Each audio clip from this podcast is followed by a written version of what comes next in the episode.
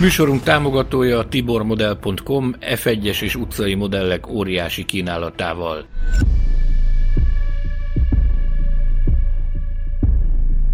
Formula Podcast, az autósport és formula magazin műsora. Futam összefoglalók, sztárvendégek, toplisták. Minden, ami F1 és autósport. Ha szeretnél hozzájárulni a műsor készítéséhez és fejlődéséhez, látogass el Patreon oldalunkra, amelynek címe www.patreon.com per Formula Podcast. A Formula Podcast virtuális stúdiójában Betlen Tamás, Gellérfi Gergő és Mészáros Sándor. Mely pilóták és csapatok dominálják majd az idei évadot, és melyik versenyzők adnak majd okot évközben a legtöbb kritikára?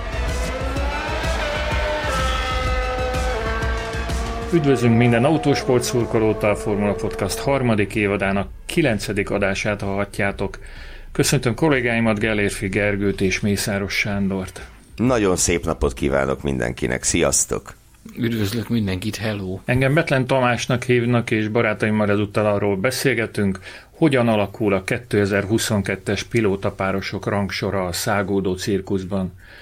És ha már ráköthetek a szép napra, amivel itt dicsekszik Gergő, akkor muszáj szóvá tennem, hogy folyamatosan egy-két fok körüli átlagőmérséklet van Borsodban, miközben uh, Szegeden izzadunk. Az a helyzet, hogy izzadunk Szegeden, és az előző percekben kapott hírek csak tovább fokozták a az izzadságot. E, azt akartam megkérdezni, hogy van-e annyira hideg e, Balkányba, hogy ki tudtál menni a postaládászhoz, Sanyi, és megnéz, megnézni, hogy jött-e valami levél bárhonnan a Forma 1 témakörében, és ha igen, akkor mi volt benne?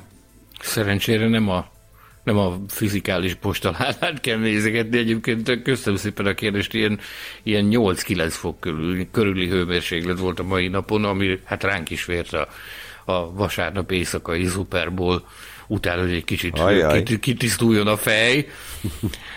e, igen, érkeztek információk, mégpedig, mégpedig nagyon érdekes híreket fújt be a, a szél a, a, az e-mail postafiókba.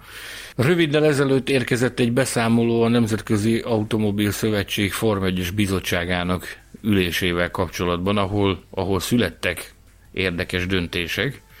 Kezdjük rögtön azzal, ami, ami nagyon sokakat foglalkoztat, az elmúlt hetek fényében, hogy lesz-e sprint, vagy nem lesz sprint 2022-ben. Ugye az elmúlt napokban nagyon úgy tűnt, hogy egyáltalán nem lesznek sprint futamok, holott korábban ugye hatot tervezett a, a Formula One Management és az FIA. Végül egy kompromisszumos megállapodás született, és három darab sprint kvalifikációt bonyolítanak a 2022 szezonban, egészen pontosan Imolában, Spielbergben és Interlagosban.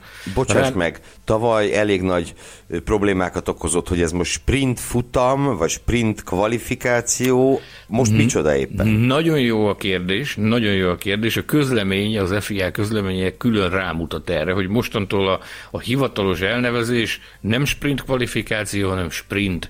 Eddig ez csak udvariasan kérték az illetékesek minden egyes alkalommal, hogy sprintnek nevezzük a, a cikkeinkben, a műsorainkban. Most ezt deklarálták is írásban, hogy a hivatalos elnevezése ennek a formátumnak mostantól kezdve az, hogy sprint. És akkor ami pénteken lesz, az lesz a kvalifikáció? Gondolom. De várjál, de hogy kell Igen. mondani, hogy a szombaton sprint lesz a tévében, vagy hogy ezt hogy kell? Igen, igen. Mond, mondd már el, mint te lennél a műsorvezető, hogy mi lesz a hétvége programja? A hétvége hátralevő részében a mai szabadedzés és időmérőedzés után a sprinttel folytatódik a hétvége. Fantasztikus.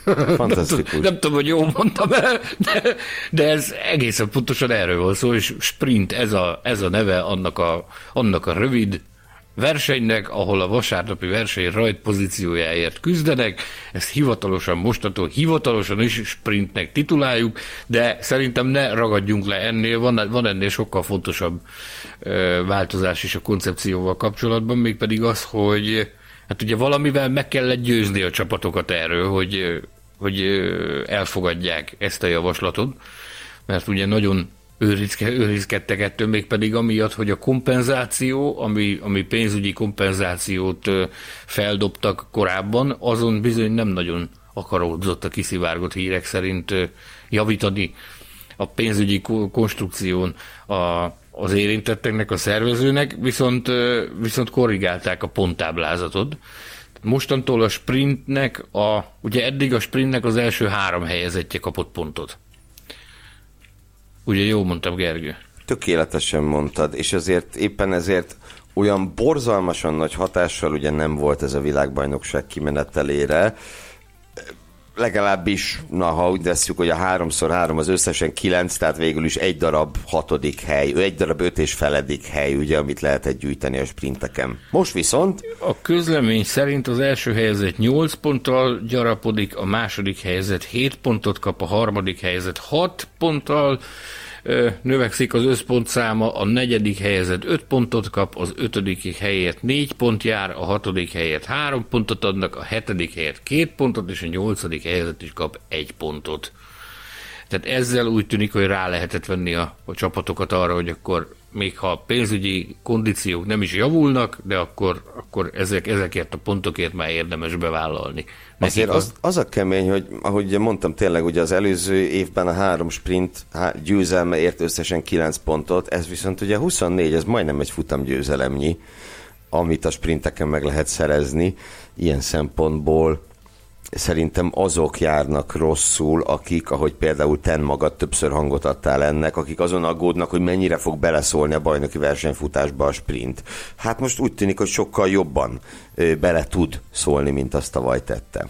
És ugye az a helyzet, hogy a sprint mellett egy másik fontos, vagy több másik fontos eleme is volt a, a most, ugye mi most hétfő délután beszélgetünk a most megérkezett közleménynek, az is, hogy olyan többé nem történhet meg, mint tavaly Belgiumban, azaz, hogy futamgyőztest hirdetnek és pontokat osztanak egy olyan versenyt követően, idézőjelbe versenyt követően, ahol ugye nulla kilométert tettek meg versenytempóban az autók. Korábban úgy szólt a szabály, és ugye emiatt tudták a belga nagydíjat értékelni, hogy kettő darab versenykört kell megtenni, de nem volt megkötve, hogy az a versenykör az versenytempóban van-e. Mostantól viszont két darab versenytempóban, azaz nem safety car vagy virtuális safety car hatája alatt teljesített versenykör szükséges ahhoz, hogy egy nagy díjat értékelni lehessen. Tehát ugye ez a látszólag aprónak tűnő módosítás az biztosítja, hogy az úgy ne történjen meg többé, ahogy az történt Spában és, és hát amivel azért sokan elégedetlenkedtek, hogy ugye pontokat osztottak és győztest hirdettek egy ilyen nem versenyt követően. Van még egy másik nagyon fontos és érdemi tartalmi eleme ennek a bizonyos közleménynek, amit a Forma 1 bizottság ülése után adtak közle, ez pedig az Abu Dhabi nagydíjon történteknek az elemzése. Egyelőre túl sok részletet nem árul el az FIA ezzel kapcsolatban, annyit közöltek, hogy rövidesen érkezik majd egy elnöki beszámoló Mohamed Ben Sulayemtől a a Nemzetközi Automobil Szövetség új elnökétől, amelyben ki fog majd térni azokra a részletekre, amelyek, tehát azokra a következtetésekre, amikre jutottak ennek az ügynek a vizsgálatával kapcsolatban, és szervezeti átalakításokra is lehet számítani a kiszivárgott hírek szerint, meg, ez meg is van erősítve a közleményben, hogy szerkezeti változások várhatóak.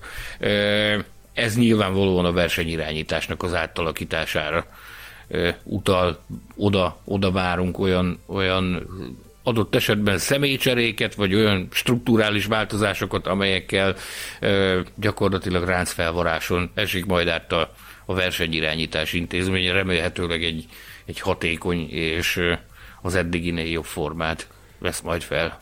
Most nagyon nagy reformer kedvükben vannak az illetékesek azt látni, hiszen ugye, hogy egy pillanatra visszakanyarodjunk az előző témához, ugye eddig az volt a szabály, a pontokat, a rövid versenyek pontjait illetően, hogyha a versenynek a 75%-át, a versenytáv 75%-át nem tudják teljesíteni, akkor felezett pontokat osztanak. Na kérem, ez innentől borul, most például az van, hogyha a versenynek a negyedét sem sikerül teljesíteni, de kettő kört igen, akkor az első öt helyezett kap csak pontot, a győztes hatot, a második négyet, és így tovább lefele. Ha 25 és 50 százalék között, akkor az első kilenc kap pontot, a tizedik nem, az pórul jár, és ezek a pontok nagyjából felezett pontok, de mondjuk a győztes nem 12 és felett, hanem 13-at, tehát azt is látom, hogy az is törekvés volt, hogy töredékpontok ne szerepeljenek a, a bajnoki végeredményben. Nem is szerettük azt, ugye, mert olyan bonyolult leírni, meg kilóg a táblázatból, csak a baj van vele. Úgyhogy itt ezt is elég alaposan megreformálták de ez óriási, hogyha mondjuk három körös a nagy díj, akkor csak az első öt kap pontot, és a többi az meg így járt. Ennyit a postai küldeményekről, vagy még hozzá vagy küldtél, kell küldtél valamit egyébként érdemes figyeljük. Mert akkor ránk azon, várjatok, jövök. Vár ránk ám, hogy valami küldemény érkezik, de nem nagyon. Nem, nem, nagyon. nem, nem csak A javadalmazásra gondolsz? Mm, én nem szóltam semmit. Az borítékba fogom igen küldeni. De most itt fogadalmat teszek, hogy kitálok valamit és küldök mindenképp. Ha más nem egy de úgyse veszitek igénybe. Jó kívánságot. Belépünk egy diós győrmecsre. Ezt akartam mondani. Na, Ezt akartam. Egy, megvan, a, megvan az előnye, hogy lassan, nem tudom, két, több mint két, éve, még nem, még nem. Tehát, Majdnem hogy két, két éve. éve. Két éve itt üldögélünk hétről hétre egymással szemben, legalábbis virtuálisan. Ezzel kapcsolatban viszont, ha már postán tényleg nem jött semmi, akkor a, arról beszéljetek, hogy a autóbemutatókról mit tudunk, hiszen azért az elmúlt jó néhány nap ezekről szólt, ott milyen hatalmas reformok, változtatások, átalakítások látszanak a, a képeken, az élő videó közvetítéseken, mikkel dicsekednek a pilóták. Elindult a nagy mutogatás, amit szerintem elég, hogyha ha ezzel a jelzővel illetünk, hogy a nagy mutogatás.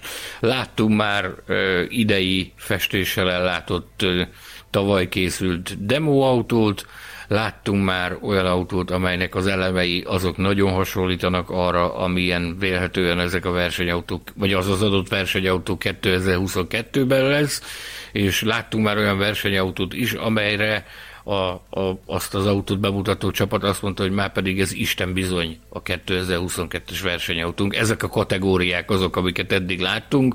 Nézd, ilyen nagy formátumú és ilyen nagy volumenű szabályváltozás esetén én azt gondolom, hogy hát mi ezt mondtuk is itt a műsorban korábban már hónapokkal ezelőtt, hogy, hogy nem szabad arra számítani, hogy itt az autóbemutatók kapcsán olyan óriási nagy titkokat fognak elárulni, mutatnak olyan elemeket, amik már valóban a 2022-es szabályrendszer szerint készültek és ahhoz illeszkednek, de én amondó vagyok, hogy érdemes ezzel várni Barcelonáig az első tesztig, amikor, amikor már tényleg 2022-es autókra hajazó járműveket fogunk látni.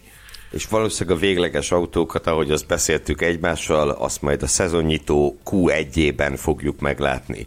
De Igen. azok lesznek azok az autók, ami már tényleg az. Addig Igen addig, addig mindenki csiszol, mindenki kísérletezik, mindenki próbálkozik, és ezt nem is titkolják, hogy, hogy, hogy azért meglehetősen nagy a bizonyt, fogalmazunk így, hogy a bizonytalanság ezzel kapcsolatban, hogy akkor ki milyen járművet mutat, meg hogy kinek a bemutatott járművéből mi az, ami elhihető, és mi az, ami pusztán csak a porhittés szolgálja. Azért valami csak elhihető, mondjuk, hogyha egy új szponzor érkezik, akkor itt tudják először bemutatni, leleplezni, kitárgyalni. Tudunk valami... olyan csapatról, amiről gyakorlatilag kijelenthetjük, hogy az egész bemutatója gyakorlatilag ezt a célt szolgálta.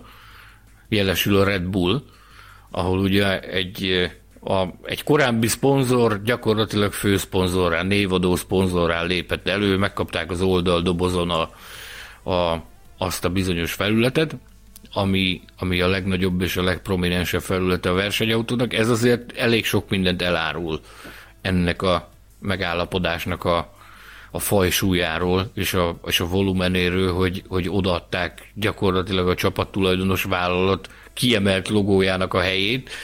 Egyes, egyes plegykák és kiszivárgott információk szerint ez egy, ez egy évi 100 millió dolláros szerződés, ami azért valljuk be őszintén nem hangzik olyan nagyon rosszul. Én nem is tudom, hogy mikor köttetett legutóbb ilyen nagy formátumúnak mondott szerződés, szponzori szerződés, vagy partneri szerződés a, a Form 1-ben, mint amilyennek ezt pusporogják, úgyhogy... De nem kizárt, hogy az még valami dohánymárkával volt. Nagyon nagy a, nagyon nagy a valószínűsége. Tehát a, azóta az elmúlt években tulajdonképpen, amik ilyen, ilyen nagy, nagy szerződések voltak, azok azért mind jócskán elmaradtak ettől, mint, ami, mint amiről most beszélünk, és mondom, tehát a, a, a jelentőségét jó mutatja az is, hogy a, a tulajdonos anyacég, az energiaitalos cég a saját nagy logójának a felületét adta oda ennek a, ennek a bizonyos számítástechnikai vállalatnak. Ugyanakkor láthattuk azt is, a, a Red Bullon és imáron az Alfa Taurin is láthatjuk azt, hogy, hogy végül milyen formában jelenik meg ez a bizonyos motor, ami ezekben az autókban dolgozik, amit ugye elsirattuk a 2021-es szezon végén a Hondát, búcsút intettünk a Hondának, akik mentek is és maradtak is. Tehát a motor tulajdonképpen ugyanaz, az emberek, akik ezt a motort tervezik, gondozzák, karbantartják, azok is ugyanazok az emberek, és a Honda logó helyén gyakorlatilag a motorborítón egy HRC logó jelent meg, ami a, a Honda Racing corporation jelenti. Tehát a Honda azért... Rendkívüli változás rend, ez, nem? Rendkívüli, rendkívüli, hatalmas, hatalmas, grandiózus változás történt, következett be, tehát a Honda úgy távozott, hogy közben maradt. Igen, a Red Bull bemutatójának meg, ahogy mondtad, gyakorlatilag az egyetlen értelme a, a főszponzor leleplezése volt, mert ugye ők voltak ők azt az utat választották, hogy fogták rossz autóját, ugye a Fonféle koncepcióautót befestették Red Bullra, és kirakták elénk, hogy csodálkozzunk rajta.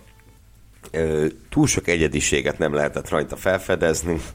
A, nem tudom, nekem ma egyébként így, ott legalább történt valami, nekem a legnagyobb csalódás a bemutatók közül eddig, ugye hétfőn beszélgettünk, tehát eddig az Alfa Tauri volt az utolsó, az a ház volt. Ahol, tehát ott, ugye a ház hirtelen bejelentette, hogy ők megelőznek mindenkit, ők mutatják be először, és bemutatták, hát tényleg a nagy büdös semmit, egy rendkívül unalmas festés, talán még nekem még a tavainál is unalmasabb festés, és egy Grafikán. néhány renderelt kép, és ennyi. Ez volt a fantasztikus nagy bemutató, tök jó, hogy mindenkit megelőztek, de hát ennél többet erről nem lehet mondani. Mm, még ide egy, egyetlen gondolatot fűznék hozzá, ami a, a ház bemutatójával kapcsolatban érdekesség volt. Aznap alkalmunk nyílt beszélgetni uh, Simone Restával, a, a ház új technikai igazgatójával, illetőleg Günther Steinerrel. Tulajdonképpen a, ugye az egyik az egyik hatalmas újítás, meg hatalmas változás a házzal kapcsolatban, hogy ez az első olyan autó, ami már annak jegyében készült, hogy a ház az, az ténylegesen szorosabbra fűzte a kapcsolatát a Ferrari-val. Ez így kimondva ebben a formában én úgy gondolom, hogy nem lesz, de mi már beszélgettünk erről 2020-ban is, még pedig nagyon-nagyon sokat itt a Formula Podcast műsorában. Tulajdonképpen a, a háznak a tervező irodája, az a, az a Dallarától, az átkerült egyenesen Maranellóba. Tehát annak ellenére... Ez elég, elég beszédes önmagában. Ez igen, a és az pedig különösen beszédes, hogy ennek ellenére, hogy a, a, a ház tervezőirodája átkerült Maranellóba, és Simone Resta egy, egy Ferrari szakember lett a, a ház technikai igazgatója, ennek ellenére rezzenéstelen arccal állítják, hogy nekik bizony semmi közük nincs a Ferrarihoz, és nincs, nem állt be változás a, a kapcsolatban. Tehát az egyik hogy pilóta egy Ferrari pilóta, volna. a technikai igazgató egy Ferrari technikai igazgató, Ferrari emberek is dolgoznak náluk, annak jegyében ugye, hogy átszervezésekre volt szükség a csapatoknál a költség, költségsapka miatt, ennek ellenére szebrebben is nélkül állítják azt, hogy nem lett szorosabb a kapcsolat a ja, Ferrari-val. Hogy, hogy nem ugyanabban az épületben tervezik a két autót? A hasát fogta gyakorlatilag minden jelenlévő a rögéstől ezen, amikor ez a, ez a kijelentés hangzott ezzel kapcsolatban. Hogyha már ennyire leragadtunk itt a háznál, akkor azt hiszem el is kezdhetjük a pilótapárosok bemutatását.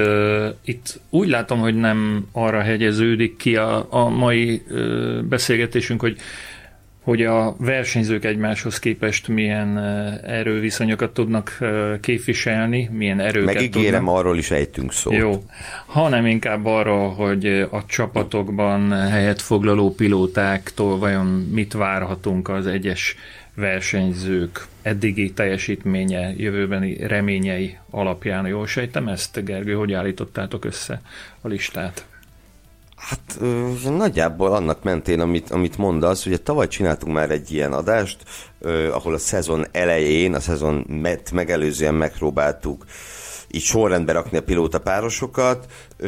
Ez nem arról akar szólni, hogy, a, hogy megjósoljuk a bajnoki végeredményt, hiszen ugye ahhoz azért az autóknak is köze van, nem csak a versenyzőknek, nagyon is, hanem az szerint sorrendbe rakni ezt a tíz darab párost, hogy részint a teljesítményükről, mit gondolunk, mit várunk tőlük, mennyit tudnak mondjuk hozzátenni az autójuk jelentette lehetőségekhez, vagy egyesek esetében mennyit vesznek el belőle, illetve hogy csapaton belül hogyan fog, mm, hogyan fog működni az adott páros, hogyan fog a, a dinamika ö, szuperálni, amire nagyon jó és nagyon rossz példákat is láthattunk tavaly. Ugyanezen szempontok mentén Sanyi és én is összeállítottak a magunk tízes listáját, a kettőből átlagot vontunk, egy-két helyen nagyon-nagyon szoros volt a, a helyzet, azt majd ott külön megemlítem, hogy hol, de nem annyit, sőt el is mondom nyugodt szívvel már most, hogy az első három, azt nem mondom el, hogy kik, de az első hármat nüanszok választották el egymástól a rangsorunkban. Az utolsó hely viszont elég egyértelmű volt. Listánk tizedik helyén a, a ház párosa található. Mick Schumacher és Nikita Mazepin bármennyire szerettük volna őket előrébb rakni, egyelőre, egyelőre nem tudtuk ezt megtenni. Ami elsősorban azért a tapasztalatoknak köszönhető. Tehát a, mind a ketten a második szezonjukat fogják megkezdeni, ugye tavaly a ház beleállt ebbe a játékba, hogy két újoncnak adott egyszerre lehetőséget a, a csapatban. Hát ennek meg lett a, a következménye, láthatunk. Én szerintem egyébként az egyik legszaft, legszaftosabb témája a 2021-es szezonnak ez a páros volt. Mindig történt körülöttük valami, amiről, amiről volt értelme beszélni, és sokszor olyan részleteket is megtudtunk, meg elmondtuk, amivel jó alaposan felborzoltuk a kedélyeket. Hogy mik a kilátásaik a 2022-es szezonra, hát ezt nagyon nehéz megjósolni. Ők talán a legnagyobb kérdőjel. A ház azzal, hogy be, beáldozta a 2021-es szezont a 2022-es fejlesztésekért. Úgy, hogy a 2022-es fejlesztések során már azért jócskán támaszkodnak a ferrari szakemberekre, meg a ferrari a, a háttérből történő támogatására. Ebben benne van adott esetben egy nagy úrás is. Az, hogy adott esetben a ház gyakorlatilag a, a középmezőnybe előre tud ugrani, és képesek lesznek meglepetés eredményeket produkálni. Benne van a pakliban, mert miért ne lenne benne a pakliban? Garancia nyilvánvalóan nincs rá.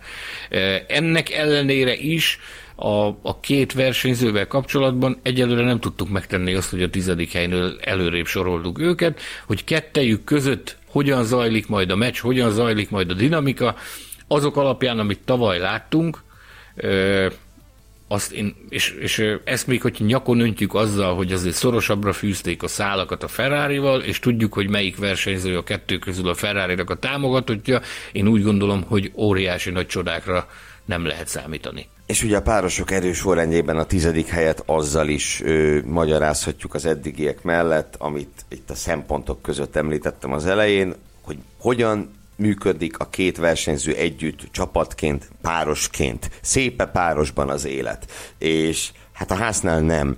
De gyakorlatilag itt a, a két versenyző között legnagyobb részt nem a kamerák előtt, hanem a hátországban, bár olykor azért a kamerák előtt is olyan összezördülések voltak, mint a kilenc másik csapatnál összeadva nem ö, volt.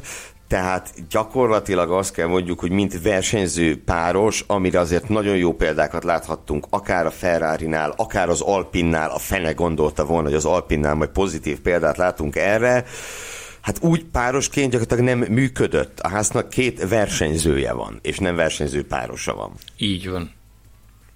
Mi a helyzet a Williamsnél, hiszen ott azért elég jelentős változások történtek, akár az elmúlt évek csapat átszervezését veszük figyelembe, akár az új érkező pilótát, aki persze nem új, de mindenképp érkező versenyző.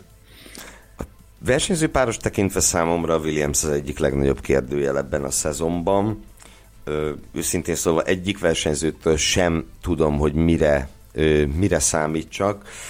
Albon karrierje ugye egy rendkívül felemásnak mondható, karrier, aminek volt na- néhány fénypontja és nagyon-nagyon sok ö, keserű pillanata. Az, hogy ő ide visszakerült, az szerintem neki egy, egy ajándék, tehát amikor őt kitették a, a, a 2020-as szezon végén, én nem gondoltam volna, hogy, hogy nem hittem Helmut Márkónak, aki azt mondta, hogy ez csak átmeneti. Én azt gondoltam, hogy ennek a sztorinak itt vége van, mint ahogy oly sokan mások jártak a Red Bull támogatottak közül.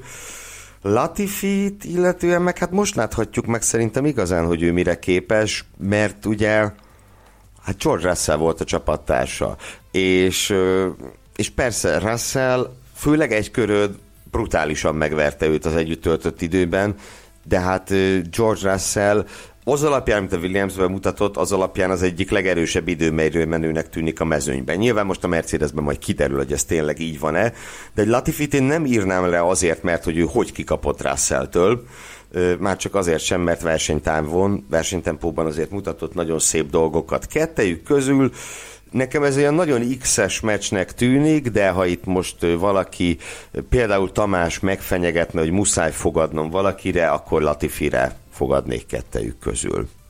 Én is.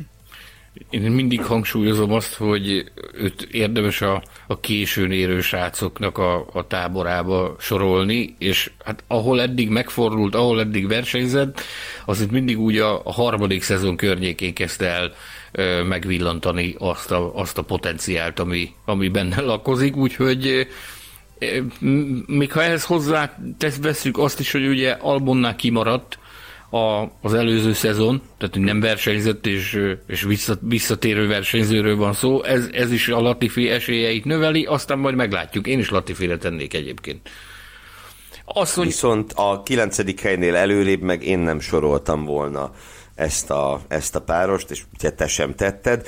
Kicsit vívódtam itt a 9.-8. helyezett között, majd mindjárt rátérünk ki a 8. de de elsősorban én Albonnál érzek egy óriási bizonytalanságfaktort, hogy ebből mi lesz. Ebben szerintem egy csúnya égés is benne van. Igen. Annak ellenére is, hogy azért azt láthattuk az évek során, hogy Albon egyáltalán nem egy fakezű.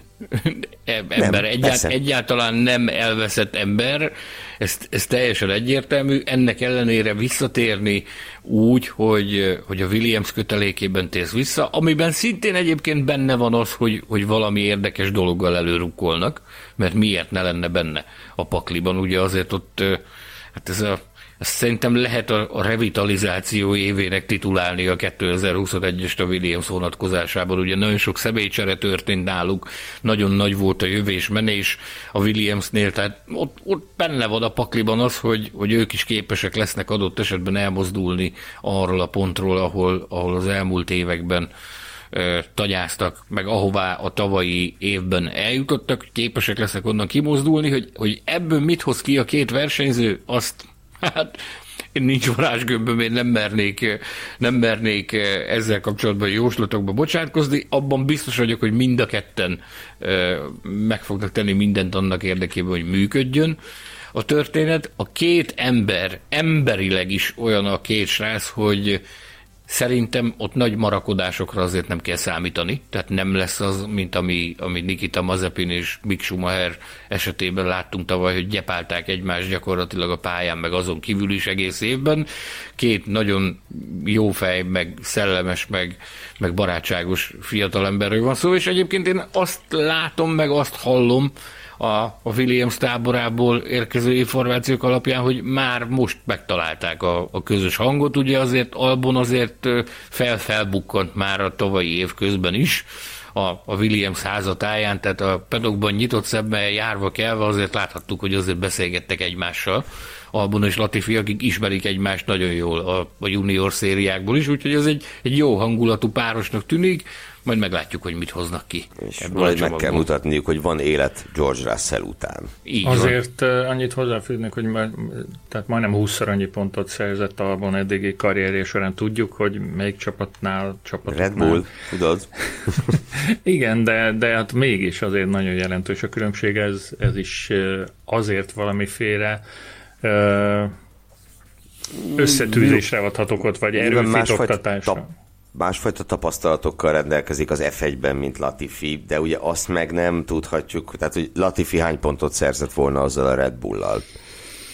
Ez Lehet, igaz. hogy neki is meg lett volna annyi, mint Albonnak. Ez igaz. Amit még nem tudunk az az, hogy a listán a nyolcadik pozícióban rangsorolt Alfa, Romeo, Istáló, újonca az mit fog produkálni, hiszen hogyha hogyha nem hoz azt a, az eredményt, amit, amit elvárnak tőle ennél a csapatnál, akkor lehet bármilyen jobbot tesz, akkor lehet, hogy összességében mégis a Williams mögé fognak kerülni ebbe menjünk bele egy kicsit.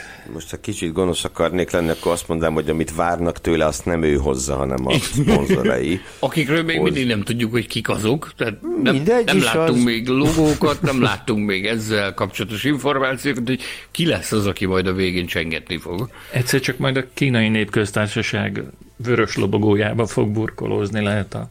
És mielőtt még perelhető kijelentéseket tenni, szerintem... Beszéljünk egy... egy picit inkább arról, hogy mi várható Hinwilben. Hát az is egy, egyébként a másik nagy kérdés a Williams mellett, már pilóta párosilag, ugye ez az egyetlen olyan csapat idén, amelyik kettős cserét hajtott végre, mindkét versenyzőjét lecserélte. Csú, ö, Csú, Zsú, Joe. Joe. Ö, Joe. Úgy becézték, képzeld el, az Alpinnál ez volt a becereve neki, hogy Joe. Hogy azt tudjátok, hogy a, ugye a kínaiak, hogyha európai vagy, vagy amerikai közegbe kerülnek, akkor mindig választanak egy könnyen kiejthető nevet. Úgy Persze, hogy... sőt, koreaiak is egyébként. Igen, igen tehát akkor legyen igen. nekünk Joe, vagy majd no, ez kiderül. most akkor játszunk el a gondolattal, hogyha mondjuk te, mint Betlen Tamás, magyarként Kínába telepednél, akkor milyen kínai nevet vennél fel? Ezen még nem gondolkodtam el. no, ez a házi feladat, kérlek, a következő adásig. De a hallgatóktól is várjuk egyébként az ötleteket. Mi legyen Betlen Tamás kínai neve?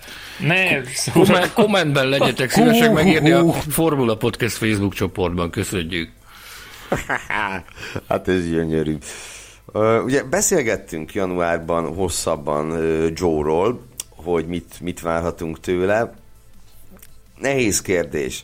Azért nehéz kérdés, mert ugye az, hogy az ember mit mutat az utánpótlás sorozatokban, az nem feltétlenül ö, áll egyenes arányosságban azzal, hogy az F1-be érkezve mit fog produkálni.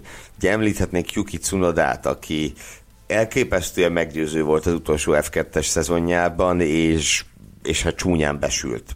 Ez még a legenyhébb megfogalmazása annak, amit ő, ő tavaly mutatott.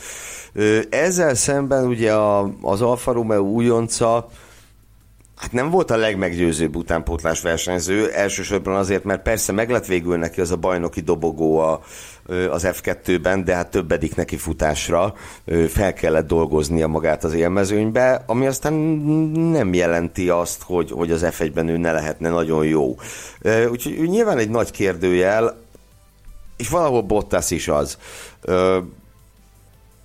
Fogalmam sincs, mire számít Bottas-tól, úgy, hogy hogy azért akárhogy veszük, de megszabadult egy nagy tehertételtől, akit Louis Hamiltonnak hívnak. Pont ez lesz egy kulcsfontosságú tényező. Nekem markás véleményem van azzal kapcsolatban, hogy, hogy mire lehet számítani Válteri Bottasztól. Én azt gondolom, hogy egy, egy egészen más ö, Bottaszt fogunk látni 2022-ben a versenypályákon. Egy magabiztosabb, ambiciózusabb és sokkal-sokkal felszabadultabb pilóta fogja vezetni ezt, a, ezt az alfát. Nem azt a sokszor, hát korlátok közé szorított, meg, meg, meg, meg önmagát is borzalmasan érző embert, mint aki ő volt az elmúlt néhány évben. Azért maradjunk annyiba, hogy világklasszis versenyző csapattársának lenni, az azért nem egy felemelő érzés a Forma 1-ben. Más sportban sem, de a, a Forma 1-ben különösképpen nem. Viszont ahogy ahogy mondtad, megszabadult ettől a tehertételtől. Ez a, ez a nyomás, ez most lekerült a vállairól, és ő pontosan és tökéletesen tudja azt, hogy ha, ha szeretné ö, a saját helyét stabilizálni, fogalmazunk így kis túlzásra, hogyha szeretné a saját nevét tisztára mosni, akkor most ezt mindenféle teher nélkül lehetősége kínálkozik erre az alfánál. Arról nem is beszélve, hogy ezt azért Fred Wasser, a csapat főnöke, ezt többször is rámutatott arra, hogy egyfajta, egyfajta alfa zászlóvivőnek szánják Valtteri Bottaszt. Tehát az lesz a feladata, hogy a, a márka arca legyen, és rá szeretnék építeni ezt a projektet, és, és épp pályafutása során gyakorlatilag most először kap ilyen lehetőséget, hogy egy egész projekt ráépül. Hát bizony. Ezzel a lehetőséggel pedig nagyon szeretne élni, és én azt gondolom, azért maradjunk annyiba, hogyha felidézzük a, a régi időket, amikor, amikor a Williamsnél versenyzett például Bottas, azért láttunk tőle csodálatos megmozdulásokat. Hogyne, meg, hát meg azért került a Mercedeshez. Pontosan. Nagyon pontosan, volt, pontosan. Tehát, tehát azért, amiért az elmúlt években nem úgy alakultak a dolgai, amiatt nyilván az egy bilog rajta, amit le kell vetkőzni, de én azt gondolom, hogy az Alfa az egy olyan platform, meg egy olyan közeg lesz, ahol, ahol ezt, ezt meg tudja tenni. Nagyon jó példa van előtte, Pierre Gasly személyében, aki ugye a, a Red Bullnál Gyakorlatilag én már nem is emlékszem arra, hogy ő mit művelt, csak az érzésre, hogy rettenetes volt.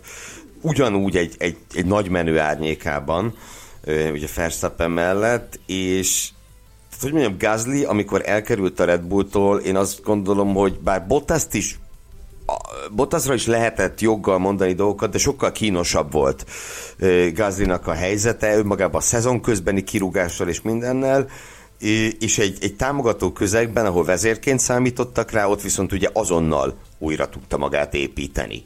Egy évvel később futamgyőztes volt az Alfa Taurival, úgy, hogy közben a nem tudom, a mezőny egyik legmagasabbra értékelt tagjává küzdötte föl magát egyetlen év alatt.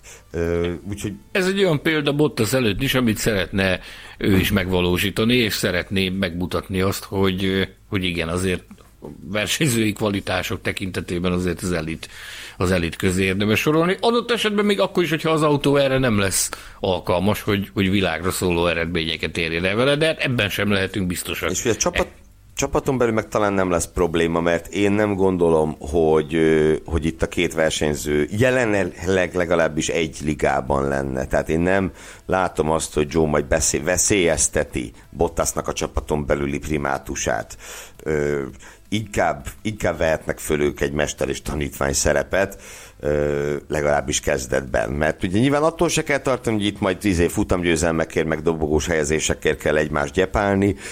A mezőny végén meg nem nagyon éri meg egymást hátráltatni, kivéve ha te vagy a ház két versenyzője, mert akkor valamiért igen. Úgy igen. Ugorjunk szerintem még egyet, és próbáljuk megbeszélni, hogy mi a helyzet az Aston Martin házatáján, amely csapat ugye egy két évvel vagy három évvel ezelőtt még kifejezetten a, az élmezőnyt szorongatta, és ehhez képest most ti itt ezt a két pilótát, akik között van egy négyszeres világbajnok, és a hetedik pozícióba soroltátok. Kérdezem én. Tudod, ez nagyon, ez nagyon érdekes, mert egy négyszeres világbajnok pilótával és egy, egy fiatal tehetséggel, mint amilyen Stroll. Normál esetben sokkal-sokkal előrébb kellett volna, hogy soroljuk őket ezen a, ezen a ranglistán, viszont amit 2021-nek különösképpen a második felében láttunk, az, az szerintem az, az kiábrándító volt gyakorlatilag mind a két versenyzővel kapcsolatban. Meg a Olyan csapattal, és meg a csapattal, meg úgy ámblok tokkal vonóval mindennel ami, ami, ami ott zajlott, az, az, az végtelenül kiábrándító volt, és hát én megmondom őszintén, hogy én, én, én nem látom azt, hogy, hogy ebből, ebből próbálnának ki, tehát hogy ki tudnának mozdulni szervezetileg igyekeznek, iparkodnak, látod, puffogtatnak mindenféle információmorzsákat az új gyárról, meg hogy meg próbálnak rózsaszín jövőképet festeni, meg csodálatos jövőképet előrevetíteni, de, de hát ami, amiből kiindulhatunk, az nyilvánvalóan a tavalyi év, és hát az egyáltalán nem tűnt úgy, mint hogyha ha ott világ, mint hogy világ megváltás készülne.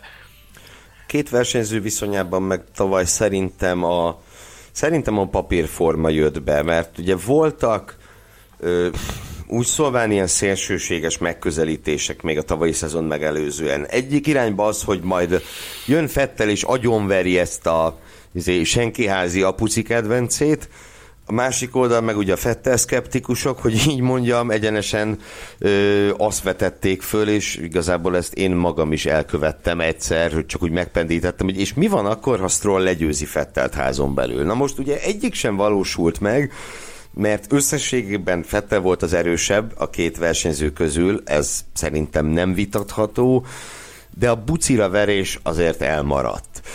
Tehát azt, se, azt sem állíthatjuk, hogy itt, itt, itt, itt, itt padlófölmosás történt volna szegény Strollal. Persze nyilván a konteósok mondhatják, hogy hát mert az apja nem engedte, azért nem.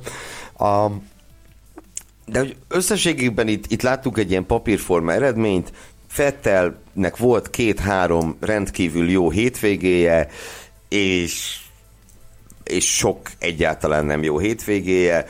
Gyakorlatilag én azt mondom, hogy Fetteltől pontosan ugyanazt láttuk, mint a megelőző ferrari évben, az utolsó ferrari évében, csak kevesebb pörgéssel, meg egy más minőségű csapattársal, így aztán nem volt annyira kínos, mint ez a 2020. De a produkció az nem az volt tavaly sem, amiért az Aston Martin őt odavitte, nem az volt, amire egyébként szerintem tényleg őszintén meggyőződésem szerint képes lenne, csak nem láttuk legalább három éve ezt, hogy ő képes erre.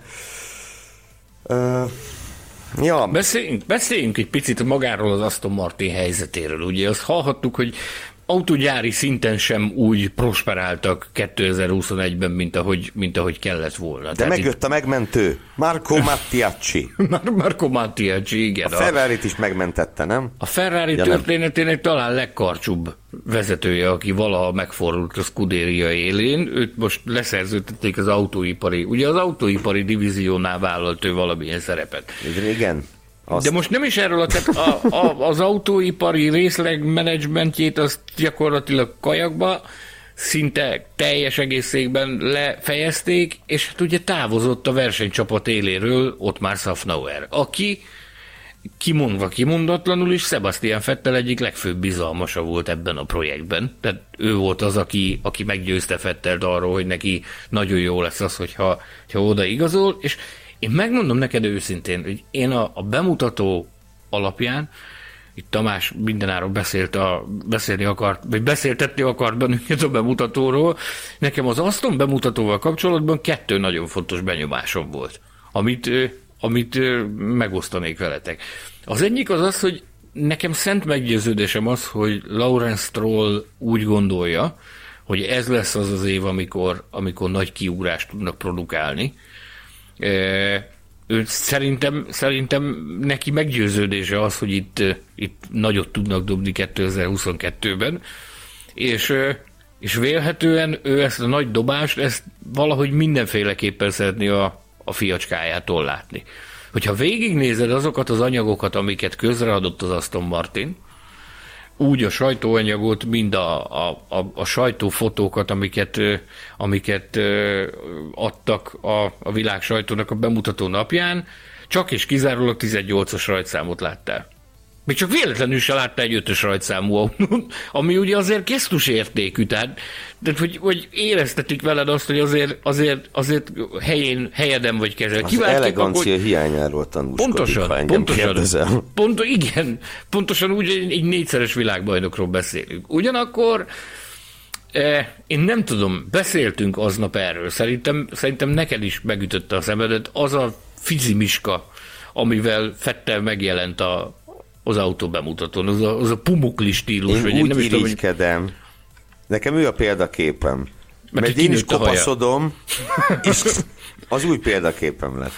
No, tehát, hogyha, hogyha megnézed, az a, az, a, az a durva borosta, meg az a, az a kócos haj, amivel, amivel megjelent, ott néztük a, a, a közvetítésben, ahogy mutatták a vendégsereget, ugye, mintha mindenki James Bond lenne és bondlány lenne. Tehát ahogy, ahogy ott a, a, a, a vendégeket, ahogy mutatták, ott mindenki makulátlan frizura, makulátlan öltöny, mindenki abszolút tip-top volt. Hát végül is bocs, csak annyi, tehát ugye ez volt eddig az egyetlen olyan klasszikus autó bemutató, amit Igen. megszoktunk, az a régi Igen. vágású. Igen, igen, igen, igen. Amikor vendégeket hívnak, uh-huh. és, és úgy leplező, most itt azt mondhatjuk, hogy lelepleződött a jármű, mert magáról rántotta le a Junior Jackes lepelt az AMR 22-es Aston Martin, de a, a lényeg, amit mondani akarok, hogy az, ugye még a, az, az ifjabb stroll is hajlamos arra, hogy megfeledkezzen arra, hogy elmenjen fodrászhoz. Tehát azért őt, őt is láttuk már az indokoltnál nagyobb hajmennyiséggel, Igen. de ő is abszolút friszkó belőve, mindenki abszolút tip-top volt, majd megjelent Fettel ezzel a, az ábrázattal, ahogy kinézett. És akkor is beszéltünk arról, hogy az embernek mintha óhatatlanul is az lenne a benyomása, hogy amiről hallottunk tavaly, hogy az az bizonyos szerződés hosszabbítás, hogy csak egy aláírás hiányzott a papírról, de azért mégis az indokoltnál többet vártunk rá hogy az megérkezzen a Fetterféle szerződés hosszabbítás, és akkor azt hallottuk, hogy az áll a háttérben, hogy nem nagyon egyezik a, a, a csapat tulajdonos és a, a, a négyszeres világbajnoknak a, az álláspontja. Nem mindenben értenek egyet, és hogy feszültség bontakozik ki közöttük. Ez picit, mintha az embernek olyan érzése lett volna ennek kapcsán, amiről beszéltünk is aznap, hogy mintha ezzel akarna odaszúrni, hogy ma majd én elrontom neked egy picit az összképet. Nem? Á, és akkor ezért jelent meg ezzel az előpraktikus hátul divatos séróval. Mondd meg, hogy te mivel, mivel tudod alátámasztani azt, hogy egy négyszeres világbajnok olyan friszkóval jelenik meg egy ilyen fontos vállalati eseményet.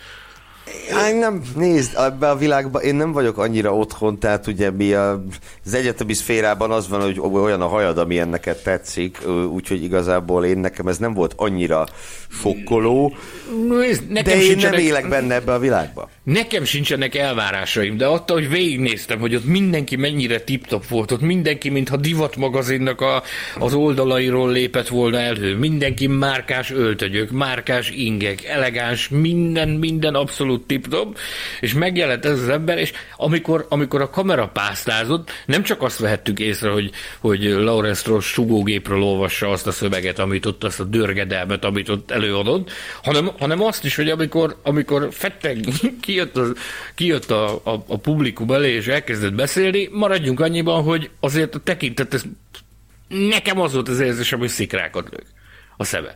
Lehet, hogy jól láttad. Kedves hallgatóink, a Formula Podcast divat rovatát hallhat. Ja, nem, nem, nem, nincs divat rovat, meg nincs, nincs semmi ilyesmi. Csak nézd, egy ilyen, egy ilyen esemény kapcsán az embernek ez óhatatlanul is szemet szúr szerintem.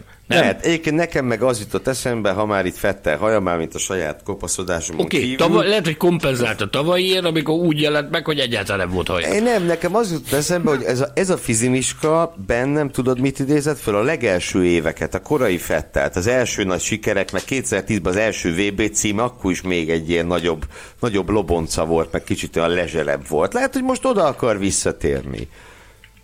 Nézd, én örülnék neki, hogyha, hogyha azt az ambíciót, meg azt a lendületet, meg azt az akaratot látnánk fettelen, amit, amit akkor láttunk.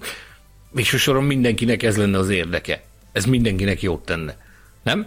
Egy jó fettelt látni azért az jó dolog. Kritizáltuk őt annyit az elmúlt, mi a Formula Podcast indulása óta így mondom, kritizáltuk őt annyit, hogy azért azt is megfogalmaztuk néhányszor, és rámutattuk, hogy azért mi szeretünk jó fettelt látni. Ja, ideje lenne dicsérni, tenni. Igen. Én, én úgy tudom megdicsérni, hogy azt hisz, hogy kikeresem, kikerestem, hogy melyik évben láttam utoljára ilyen nagyon elegánsan, és ez talán a 18-as FIA gála volt a díjkiosztó, amikor smokingban jelent meg. Nem, én nem tudom úgy nagyon fejdezni, szóval ő tényleg lazára vette, ha már itt leragadunk ennél a kérdésnél, de ne ragadjunk le természetesen. Sokszor vette lazára, bocsánat, csak tegyük tisztába, sokszor vette már lazára. Nincs ezzel semmi gond. De most olyan szinten, olyan szinten lett laza, hogy az emberben óhatatlanul is ott motoszkál a kis ördög, hogy ez mint valami odaszúrás akart volna lenni. Ha nem csak a Formula 1, hanem a MotoGP is érdekel, hallgasd a Formula Motocast adásait is. Az Autósport és Formula magazin motorsport műsora. Futamértékelések, aktualitások és minden, ami két kerék. Balog Tamással, Ferenci Péterrel és Pabdi Tamással.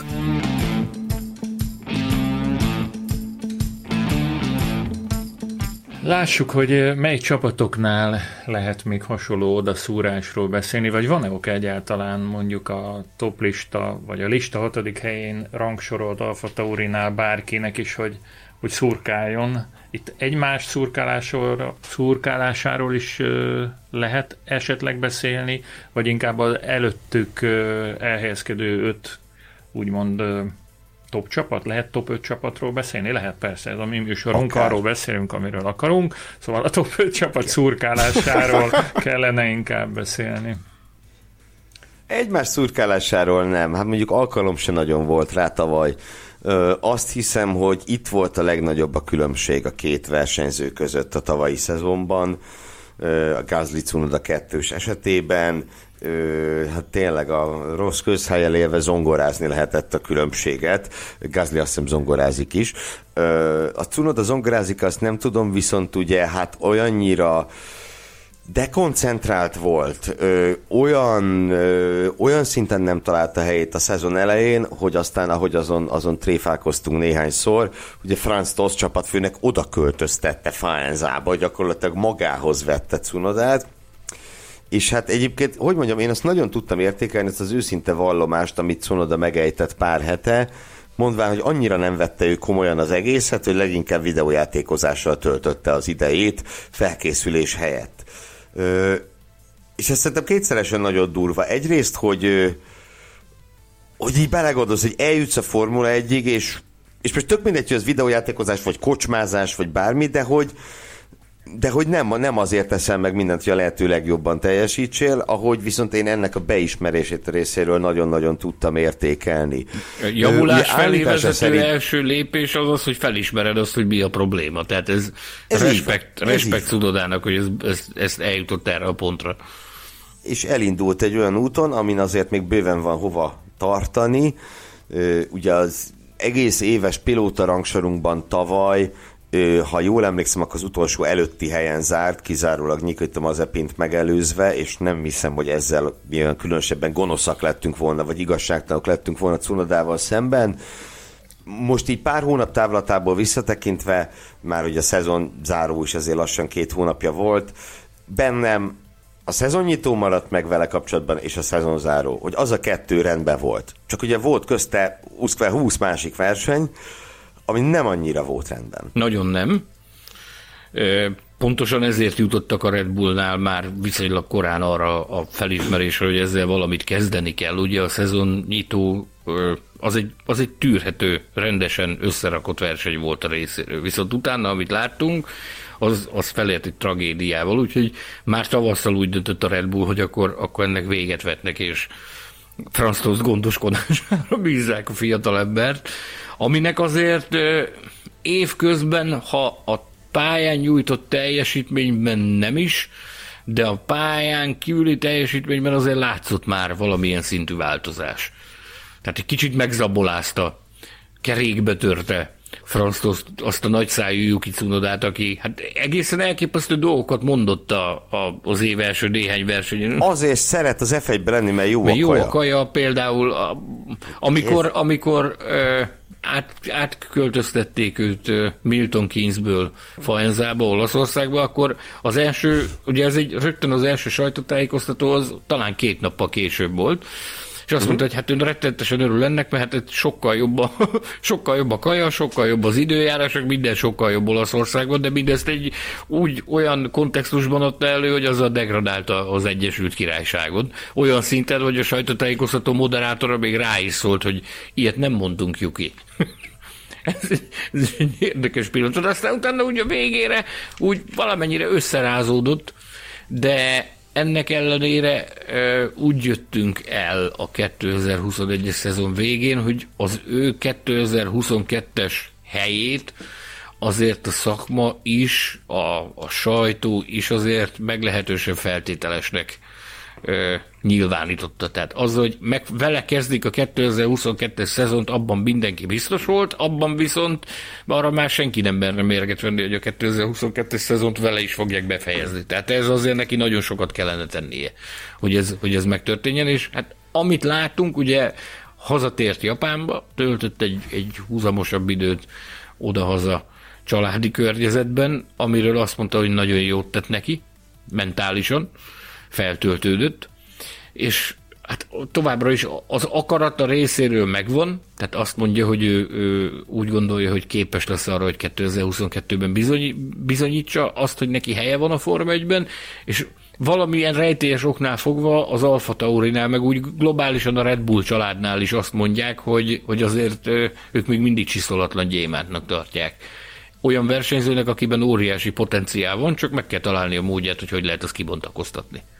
Mivel az f voltak nekik, nagyon, voltak nekik nagyon-nagyon jó évei, tehát persze egy szezon alapján ne írjuk le őt, és hát ugye nem is írjuk le, azért is tettük ezt a párost egészen a hatodik helyig. Persze elsősorban nem Cunoda, nem Gázli miatt tettünk így.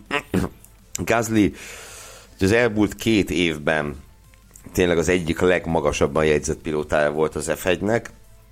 Az eddig felsorolt tíz versenyző közül az, hogy az elmúlt két évben ő volt a legjobb, az szerintem vitathatatlan. Ahogy a én azt is megmerem kockáztatni, hogy 2022-ben ő a legjobb pilóta tíz versenyző közül.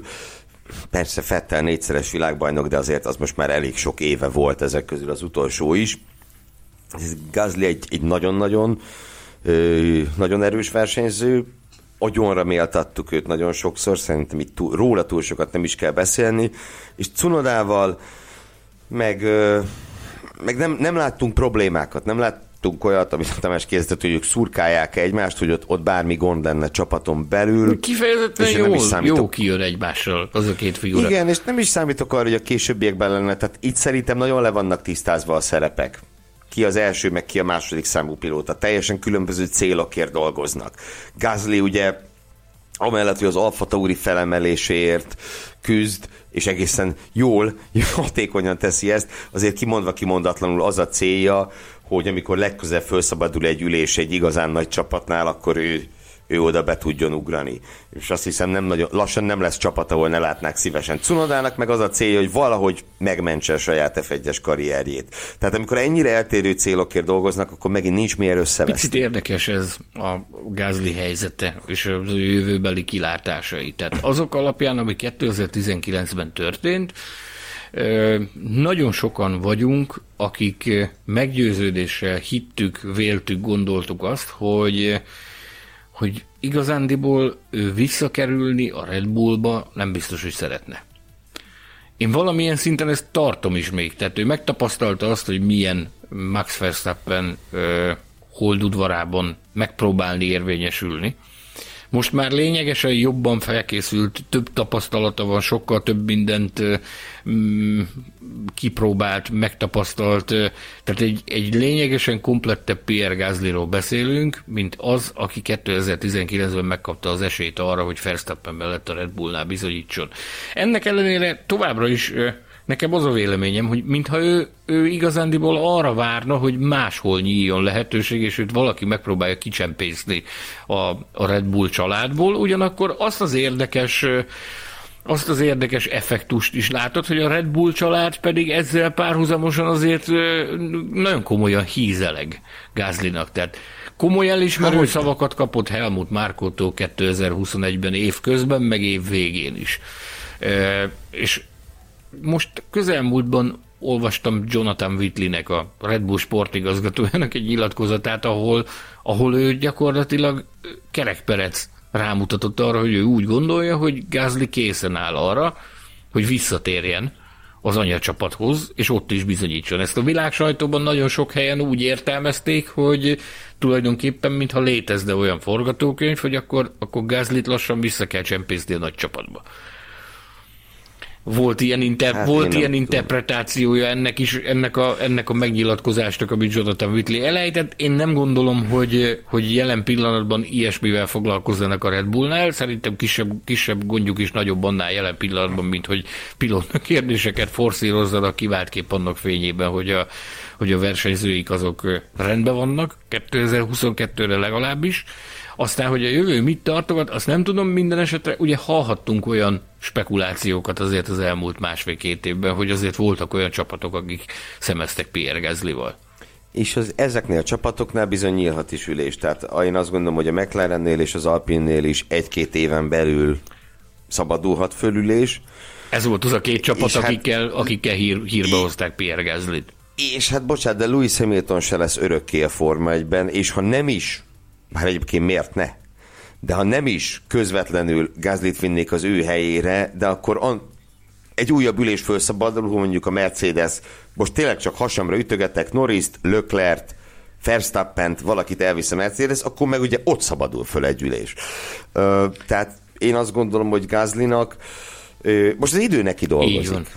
Egyszerűen, ha azt a teljesítményt hozza, amit az elmúlt két évben, akkor szerintem nem lesz nagy csapat, amelyik épészen nemet mondana erre a srácra. Akkor beszéljünk a fölfele szurkálásról. Azt kimondhatjuk-e, hogy a listán az ötödik pozíciót elfoglaló McLaren az azért van egyel az Alfa Tauri előtt, mert a Norris Ricardo páros igen, ezt kimondhatjuk jobb, mint a Gázdi Cunoda, csak hogy, hogy éppen a Cunoda miatt van -e ez a, ez a különbség egyedül, vagy más is közrejátszik. Nézd, itt szerintem a hatodik meg az ötödik hely között van egy óriási szakadék. Tehát a, azért a McLaren és innen fölfele lesznek azok a csapatok, ahol úgy két magasan jegyzett pilóta alkot egy pilóta párost.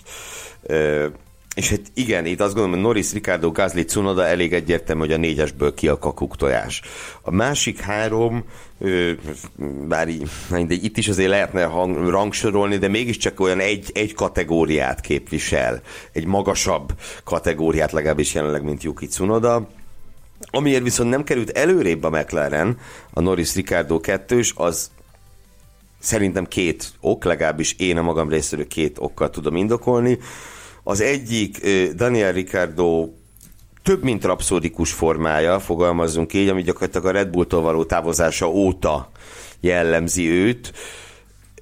És hát Lando norris kapcsolatban meg nekem van egy olyan érzésem, kicsit én csalódtam benne, én azt éreztem, hogy tavaly ő a szezon első felében úgy kicsit becsapott minket.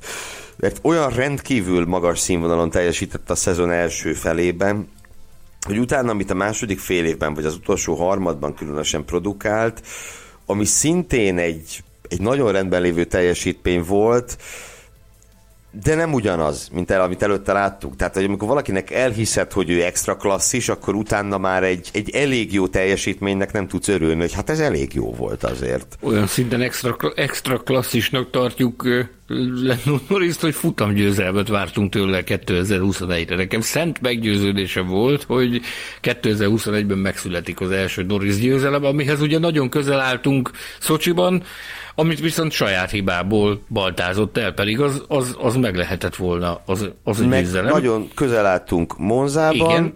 ahol ugye az nem tudom, azon két hétvége egyike volt, ahol Ricardo jobb volt, mint Norris, és az egyik e kettő hétvége közül az volt, ahol a McLaren futamot tudott nyerni. Így van. Hm, hát ez Így van.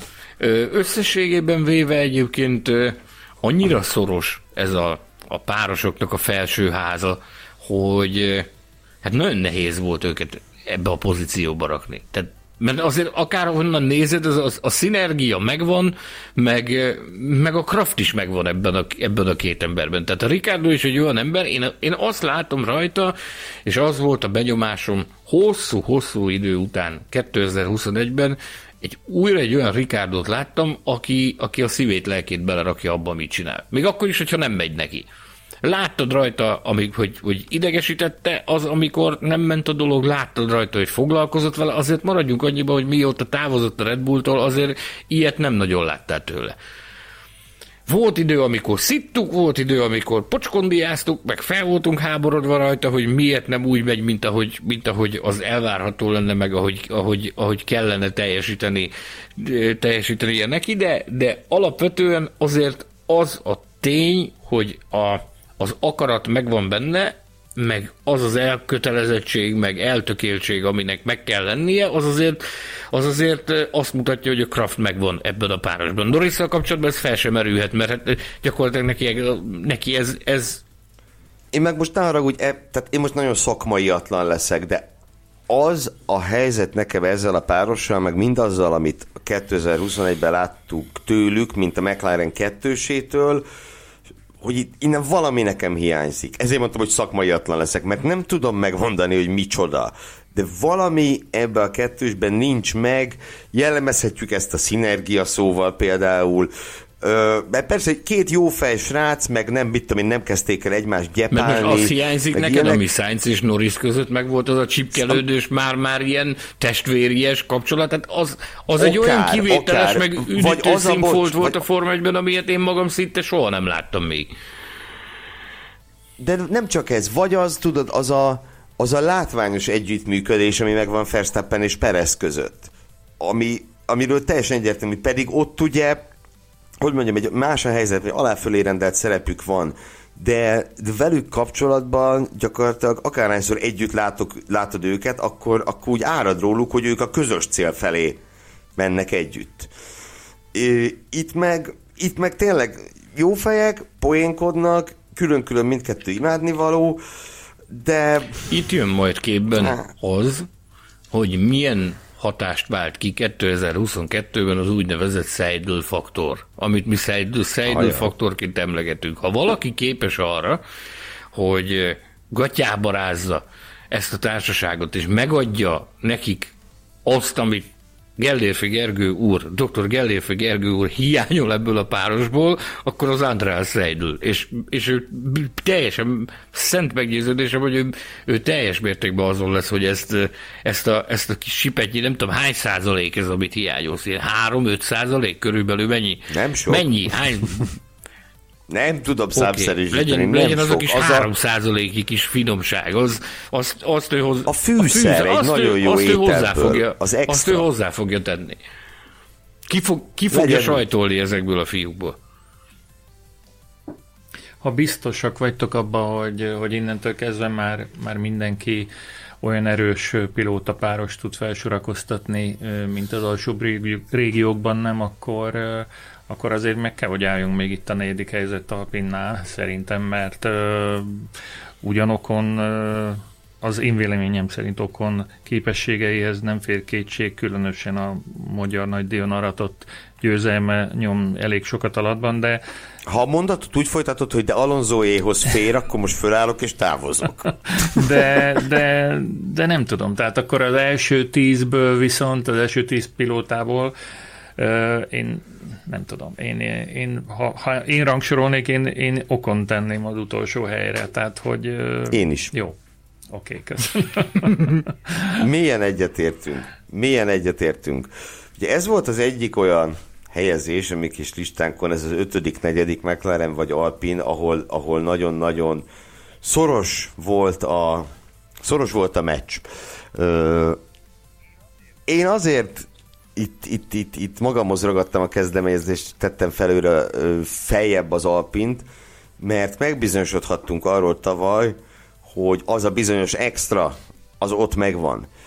Ahogy oda-vissza ez a két srác, Alonso gyakorlatilag kibrusztolta Okon győzelmét a Hungaroringen, ugye a Hamilton elleni hősies küzdelemben, és, és ahogy Okon Hát nem túl sokáig, de mégiscsak oroszlánként küzdött ugye Katarban, és az az egy-két másodperc, amit elvett Pereztől, hát gyakorlatilag sorsdöntő volt Alonso dobogójának megszerzését illetően.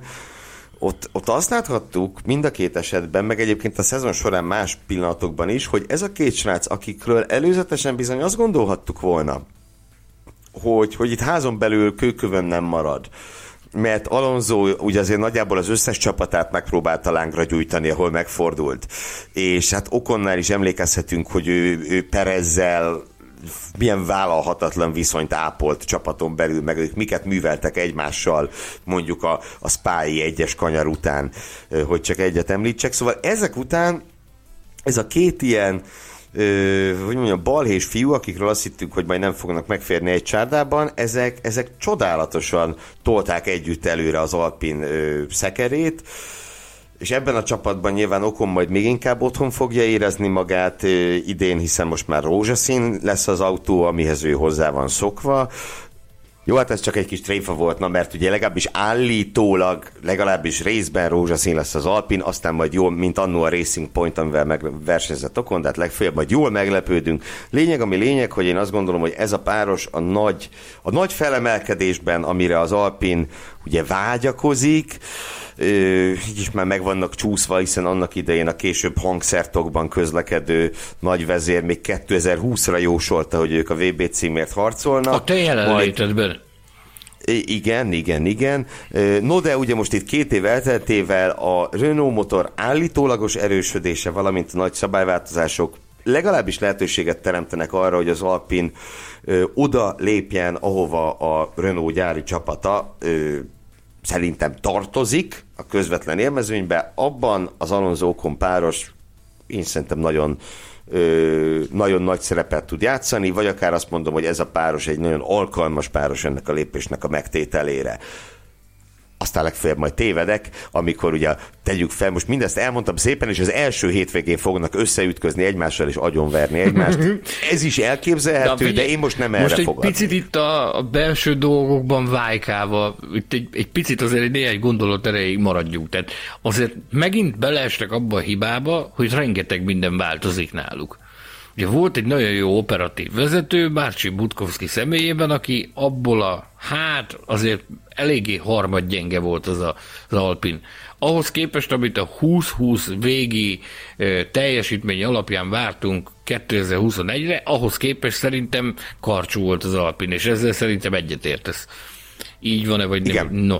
Most ugye ott akkor megint voltak menedzsmentbeli változások, emberek jöttek, mentek, nevet váltott a csapat, minden egyéb más, és akkor úgy voltunk vele, hogy akkor ezek évvégére összerázódnak, és akkor, és akkor 2022 azért már sokkal könnyebb lesz. Ehhez képest most megint emberek jönnek, mennek.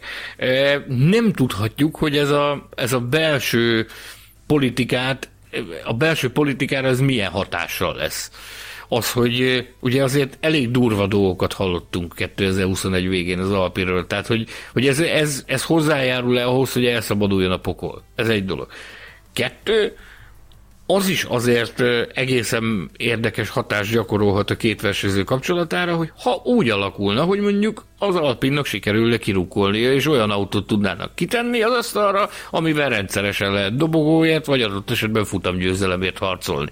Fogalmam sincs, hogy mennyi esélye, esélye van ennek, hogy ez bekövetkezzen. Én a magam részéről teljesen örülnék neki, hogyha egy versenyképes Alpint látnánk. Te is örülnél neki azt. Én nagyon.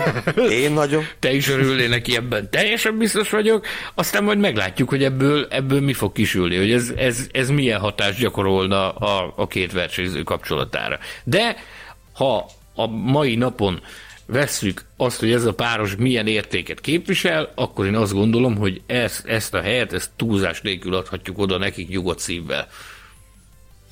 Hogyha arról beszélünk, hogy a toplista első három csapata, azt hiszem, hogy nem nehéz kitalálni a Ferrari, Mercedes és a Red Bull, és hogy vajon a három közül pilóta potenciál, pilóta potenciál, de szép szó, szempontjából. Ó, ezt írjuk föl.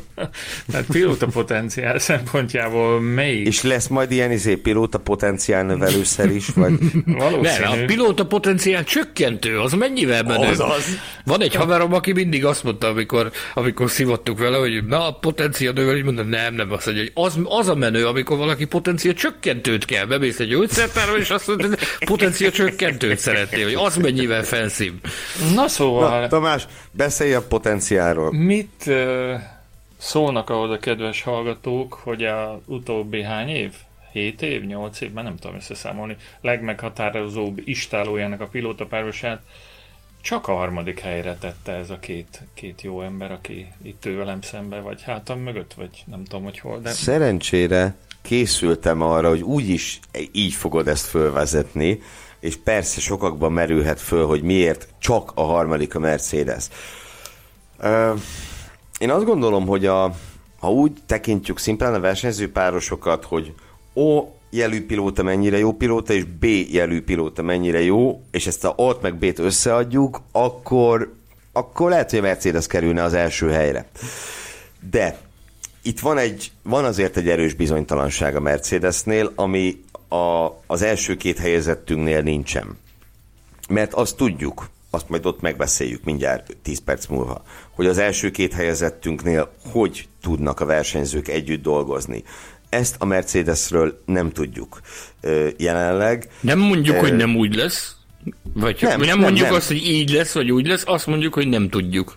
Láttunk már Karón Varjút, na, ilyen egyszerű a helyzet. Tehát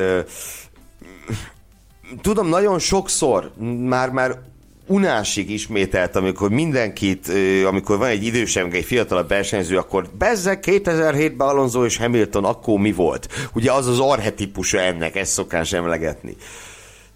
De ne felejtjük akkor mi volt. Hát ki a fene gondolta volna 2007 januárjában, hogy, hogy ez a két srác, ez néhány hét alatt, vagy néhány hónap alatt gyakorlatilag a teljes mclaren lángra lobbantja. Ez egész és, sportágat lángra lobbantja gyakorlatilag. Igen, de hogy, a, hogy, hogy csődbe megy a csapat, gyakorlatilag kis hiány ugye a 100 milliós bírság miatt, meg, tehát hogy egészen elképesztő dolgok voltak azért, mert a nagybajnok meg az újonc nem fértek meg egymás mellett.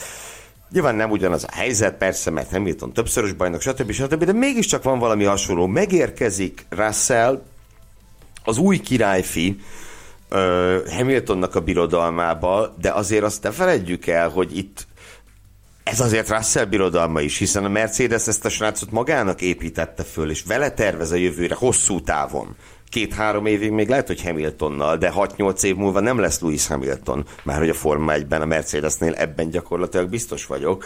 És éppen ezért teljesen más helyzet ez, mint amikor mondjuk Bottaszt odavitte a Mercedes, mert ott ugye Hamilton mellé kellett valaki. Russell meg kvázi mondhatni a Hamilton utód, akit oda visznek a csapathoz. Oda lett nevelve, gyakorlatilag. És, és abban sem lehetünk egyébként teljesen biztosak, hogy a Mercedesnek mi lesz a policia késráccal kapcsolatban, hogy mondjuk megteszik-e azt, amit én egyébként a legvalószínűbbnek tartok, hogy azt mondják Russellnek, hogy egy-két évig még nyugi George, mert aztán tied a pálya, vagy nem így állnak hozzá, ezt sem tudhatjuk biztosan, ahogy az sem, hogy ezt az adott döntést a, a késrác mennyire fogja tiszteletben tartani, mit fog arról gondolni? Vagy ha még az asztal mellett el is fogadják, amikor először kerülnek egymás mellé a pályán a győzelemért harcolva, akkor akkor mennyire tartják be az előre megbeszélt szabályokat. Szóval itt szerintem bizony nagy, nagy a bizonytalanság. Ez persze egy dolog oldhatná meg, ha Hamilton sokkal gyorsabbnak bizonyulna Russellnél, és úgy elverné őt is, mint Bottaszt, akkor nem lenne kérdés. Én viszont azt gondolom, hogy Russell közelebb lesz Hamiltonhoz, mint Bottas. Semmi többet nem mernék jósolni, csak ennyit. Közelebb. Én úgy gondolom, hogy ott kell, hogy lebegjen a szemünk előtt az a, az a bizonyos Rosberg Hamilton korszak a Mercedesnél. Olyan súlyos leckéket kaptak a Mercedes vezetői akkor, elsősorban Toto Wolf, és olyan súlyos leckéket tanult meg, hogy ha valamikor, akkor most lehet ezeket hasznosítani hogy hogy kell, mi, milyen hosszúra kell engedni azt a bizonyos pórázt két ilyen kvalitású fickó esetében, hogy, hogy abból még ne legyen pofoszkodás, és abból ne legyen, ne legyen atrocitás. Ugyanakkor, hogyha amit, amit említettél itt a belső berendezkedést, hogy ki honnan jött, meg ki hová tart. Tehát itt most az a sajátos helyzet áll fent, hogy ugye Hamilton egy ős Mercedes pilóta. Tehát ahogy említetted, hogy ez az ő birodalma jelenleg, Russell pedig, pedig szépen fokozatosan hozzák fel és építik be ebbe, ebbe a birodalomba. Tehát egyrészt Russellnek is tudnia kell, hogy hol van az a határ, ameddig elmehet, és a csapatvezetőknek is tudniuk kell, hogy, hogy, hogy milyen hosszúra lehet engedni azt a pórást. Ez egy nagyon kockázatos játék, nagyon-nagyon kockázatos játék, de ha valaki képes arra, hogy ezt a helyzetet jól kezelje, az szerintem a Mercedesnek a vezetése. Én azt gondolom, hogy fogják őket engedni versenyezni, de azt fogják mondani, hogy rátok van bízva az, hogy ez, ez ebből ne legyen, ebből ne legyen. Mi megengedjük nektek, tartjuk azt a bizonyos pórázt, de odafigyeljetek, hogy ebből nehogy véletlenül durva atrocitás legyen. Kiváltképp egy olyan... Szépen játszatok. Szépen ját. Menjetek és játszatok szépen, ahogy annak idején bennünket gyerekként kiengedtek Bizony. annak idején. Itt ennek kellene, ennek kellene történnie. De amikor téged gyerekként kiengedtek, akkor gondolom Kimentem, és nagy verekedés. Törtem, zúztam, randalíroztam azonnal, pont ezért ettől, tegyünk hozzá egy dolgot nagyon gyorsan ehhez az egész sztorihoz, amiről most beszélgetünk. Elképesztően szerencsések vagyunk. Tudod miért? Azért, mert biztos nagyon-nagyon jó esély van rá, hogy 2022 egy fantasztikus Form 1 szezon lesz. Azt nem mondom, hogy, azt nem mondom hogy, hogy annyira kiélezett lesz, mint amilyen a 2021-es volt, de hogy, hogy ennek a szezonnak is meg lesz a maga szépsége, meg a maga gyönyörűsége, nekem befelől semmiféle kétségem nincs. Van-e kétséged afelől, hogy a maradék két hely hogy oszlik meg a Red Bull és a Ferrari Nekem között? a világon semmi. Kérlek szépen. Nekem se sok. Sőt, semmi, hiszen ugye ebbe a sorrendbe ö, tettem én is ezt a párost, vagy ezt a két páros, bocsánat, ugye a második helyre raktuk a pilótapárosok rangsorában a Leclerc Sainz 2-st, amely ö, a tavaly a tavalyi párosok közül számomra a Leclerc Sainz 2 volt az, amelyiktől majdnem pontosan ugyanazt kaptam, mint amit előzetesen vártam, arra számítottam, hogy ez egy nagyon erős páros lesz, bejött. Arra számítottam, hogy ez alapvetően zöggenőmentes lesz az együttműködés, mint gyakorlatilag egy-két rádió üzeneten kívül, ami semmi íze nem az volt, hogy valaki menjen el valahol nagyon messzire, csak miért nem enged el, meg miért tart föl, de ennyi meg belefér. Ezen kívül gyakorlatilag semmi nem volt, pedig hát láthattuk korábban mondjuk a Ferrari-nál a Leclerc Fettel együttműködés, az mennyire, fú, az mennyire bajos volt vagy inkább nem is létezett. Szóval ez is rendben volt. Ö, amire én nem számítottam, de ennek már többször hangot adtam, hogy Sainz rögtön az első ferrari évében legyőzi Löklert az összetetben, kicsi volt a különbség, de ez megtörtént. Ez egy nagyon-nagyon kellemes meglepetés volt, és mivel Leclerc kvalitásait illetően azért korábban már nem lehetett sok kétségünk a megelőző két-három szezon alapján, ezzel Sainz én azt gondolom, hogy ő, ő fölrakta magát egyen magasabb polcra, mint ő korábban volt, pedig az se volt túl alacsony. És hát én egyenesen arra vetemettem, hogy amikor azt kérték tőlem Facebook csoportban, hogy mondjak valami merész tippet 2022-re, én azt mondtam, hogy akkor Carlos Sainz világbajnoki címe. Ez az én merész tippem 2022-re. Nyilván a merész tipp definíció szerint nem valami papírforma dolog, de hogy Sainz gyakorlatilag szerintem a tavaly volt az az év, amikor ő tényleg megérkezett a közvetlen élmezőnybe, a leg-leg-leg Extra, ahogy Gubolis Tobi mondja. Extra extra kategória. Én megmondom őszintén, én ezt vártam tőle, amit, amit kaptam 2021-ben, tehát nekem, nekem minden várakozásomat beváltotta Carlos Sainz. Ugyanakkor hát én nagyon örülnék annak, hogyha Ferrari is beváltaná azt, amit hát most itt nem csontokból jósolunk, meg, meg, meg nem is a tenyerünkből, hanem, hanem azért ott is e, tulajdonképpen a 2021-es szezonért nem sok fabatkát adtak tavaly. Tehát azért viszonylag korán elismerték, hogy ők, ők már nagyon korán váltottak, és elkezdtek 2022-re összpontosítani.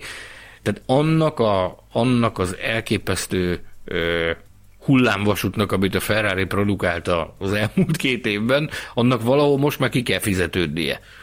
Tehát én nagyon-nagyon örülnék annak, hogyha tényleg az történne, hogy, hogy az a kompromisszum, amit Mattia Binotto ígérget már egy ideje, hogy következik az új aranykor, és akkor belépnek abba a győzelmi ciklusba, amikor, amikor végre oda jutnak, hogy világban, tehát futamgyőzelmekért és világbajnoki címekért harcol, harcolhatnak, hogy annak idén elméletileg, teoretikusan el kellene kezdődnie. Ha nem, akkor joggal számíthatunk arra, hogy itt megvakarják a, a, a, a, a fülük tövét a Ferrari vezetői, és fölteszik azt a kérdést, hogy érdemes-e tovább erre várni amit, uh-huh. amit Mattia Binotto ígérget. Én azt gondolom, hogy a két versenyző semmi se fog múlni, tehát ők mindent meg fognak tenni annak érdekében, hogy a, a csapat szekerét előre tolják. Egy nagyon egészséges kapcsolat az, amit ők kiépítettek egymással. Egyébként ilyen tekintetben egészségesebb is az a kapcsolat, mint amire én számítottam. Ugye azért Lökler azért házi kedvenc, tehát a, a kis hercege a, a, a Scudériának ott nevelkedett, és hát azért voltak neki az elején komoly privilégiumai. Például az, Másfelől, bocs, hogy mindkettőjüknek volt már zűrös kapcsolata. Löklernek Fettellel, Sainznak meg Verstappennel. Így van. Így van, így van, így van, így van. Ebb... És ahhoz képest valóban nagyon kellemes meglepetés, hogy itt, itt tényleg egy-két ilyen felemeltebb hangú rádióüzenet volt a maximum, amit láttunk. I- igen, igen. Tehát jó lenne azt látni, hogy, hogy 2022-ben végre elkezd beérni az, amit, amin dolgoztak, amit Mattia Binotto ígér, és hogy, hogy ez a két versenyző elkezdi learatni azt a babért, amiért a tavalyi év folyamán például együtt végig kőkeményen dolgoztak. Képzeld el, hogy ott lennénk, és miért is ne lehetnénk idén, vagy térhetnénk vissza oda, amit mondjuk 2012-ben láttunk, ahol amikor négy csapat tudott menni futamgyőzelemre reális eséllyel. Egy ilyen Alpine, Mercedes, Ferrari, Red Bull, és akkor még a McLaren szóba se hoztam, hogyha az egyes hétvégéken nem, az nyilván nem minden hétvégén mind a négy, de hogyha egyes hétvégéken hol az egyik, hol a másik. De lenne egyfajta csapatnak... rotáció, és mindig lenne több, több esélyes a futamgyőzelemre, mint kettő, és, az valami egészen És nem lehetett, mert 12-ben ez volt. Így van, konkrétan. így van. Így van. Ugyanakkor, ugyanakkor, hogyha még egy másik megközelítés a Ferrari kérdésnek, amit szintén sokszor említettünk már itt, tehát a Ferrari-val kapcsolatban nem lehet elvárás az, hogy most akkor a harmadik helyre várjuk őket, vagy a második helyre várjuk őket. Tehát azzal az infrastruktúrával, ami náluk van, azzal a, azzal a mindennel, ami, ami Maranellóban náluk megvan, azzal csak egy helyet lehet megcélozni, az pedig az első hely. Ha az nincs meg, hogy az első hely, vagy az első helyért való harcnak az esélye, akkor gyakorlatilag semmi sincs, az kudarc és katasztrófa. Nem? Hát igen, mondjuk az első helyért való harc szerintem az első lépésként elég. Ennek az esélye, ha, így van. Ha, ha igen, az most ha, sem lesz meg, akkor én azt amondó vagyok, hogy itt azért nagyon súlyos kérdéseket kell feltenni majd a, ez, az igazgatóságban, Maranellóban. Ez biztos. Mert az elmúlt évek után én azt gondolom, hogy ha ha megtörténik az, ami hát mikor? 12 óta végül is nem történt meg, hogy a Ferrari egy teljes szezonon át harcoljon a bajnoki címért, mert volt egy fél szezon ugye 18-ban.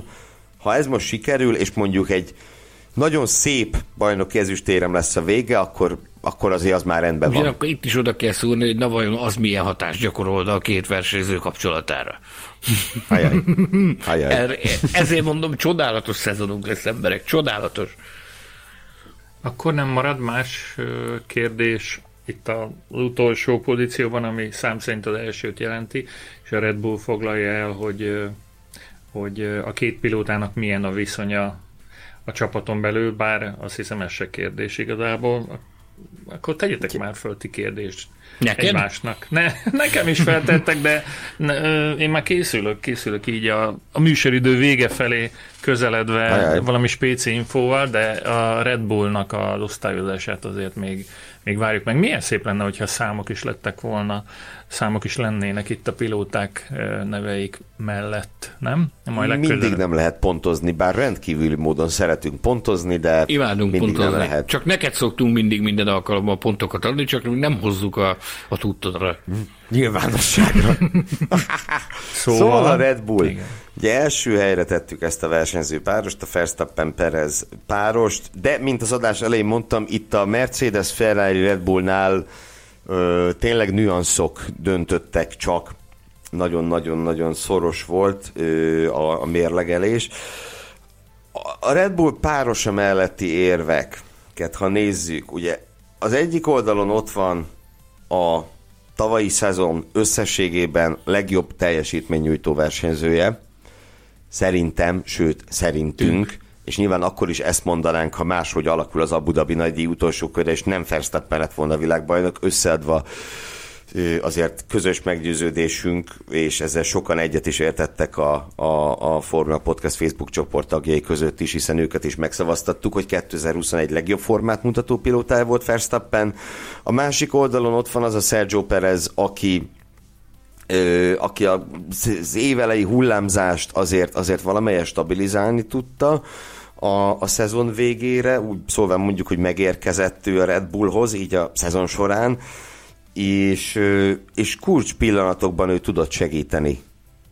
Meg tudta tenni azt, omiért oda vitték, mert őt kimondva azért vitték oda, hogy segítse Max Verstappen bajnoki hadjáratát, ezt ő kulcsfontosságú pillanatokban meg tudta tenni, amelyek közül ugye nyilván kiemelkedik az az elképesztő ö, védőmunka, amit, amit a, a Budabiban leművelt, tehát Paolo Maldini könnyezett ezt a védőmunkát látva, ö, és ők együtt meg tényleg a, többször használtuk ezt a szót, a szinergia, a csapatmunka ö, terén, amit mutatnak, az meg jelenleg az etalon a Forma 1-ben, én azt gondolom. Tehát ahogy egy vers, nyilván ehhez kell az, hogy tisztázva legyenek a szerepek, és ők egyszerűen a karrierjük úgy alakult, meg talán azt is hozzátehetjük, amellett, hogy én nagyon kedvelem Perez, de én kimerem mondani, hogy a kvalitásaik között is van akkor a különbség, hogy egyértelműen lehet szerepeket tisztázni, és ezt a szerepet elfogadja mindkét fél, nyilván főleg a második számú pilótának kell ezt elfogadnia, akkor utána jöhet létre egy olyan együttműködés, ami azt gondolom, hogy jelenleg a, a top leg-leg-leg jobb együttműködés, amit ma a Forma 1-ben látunk. És mindezek összessége indokolta azt, hogy végül az első helyre pakoltuk ezt a páros. Perez helyzete különlegesen, hogy különösen érdekes abban a tekintetben, hogy tulajdonképpen nagyon jó az ő helyzete, még úgy is, hogy, hogy, hogy, hogy belenyugod, belenyugszik ebbe a szerepbe.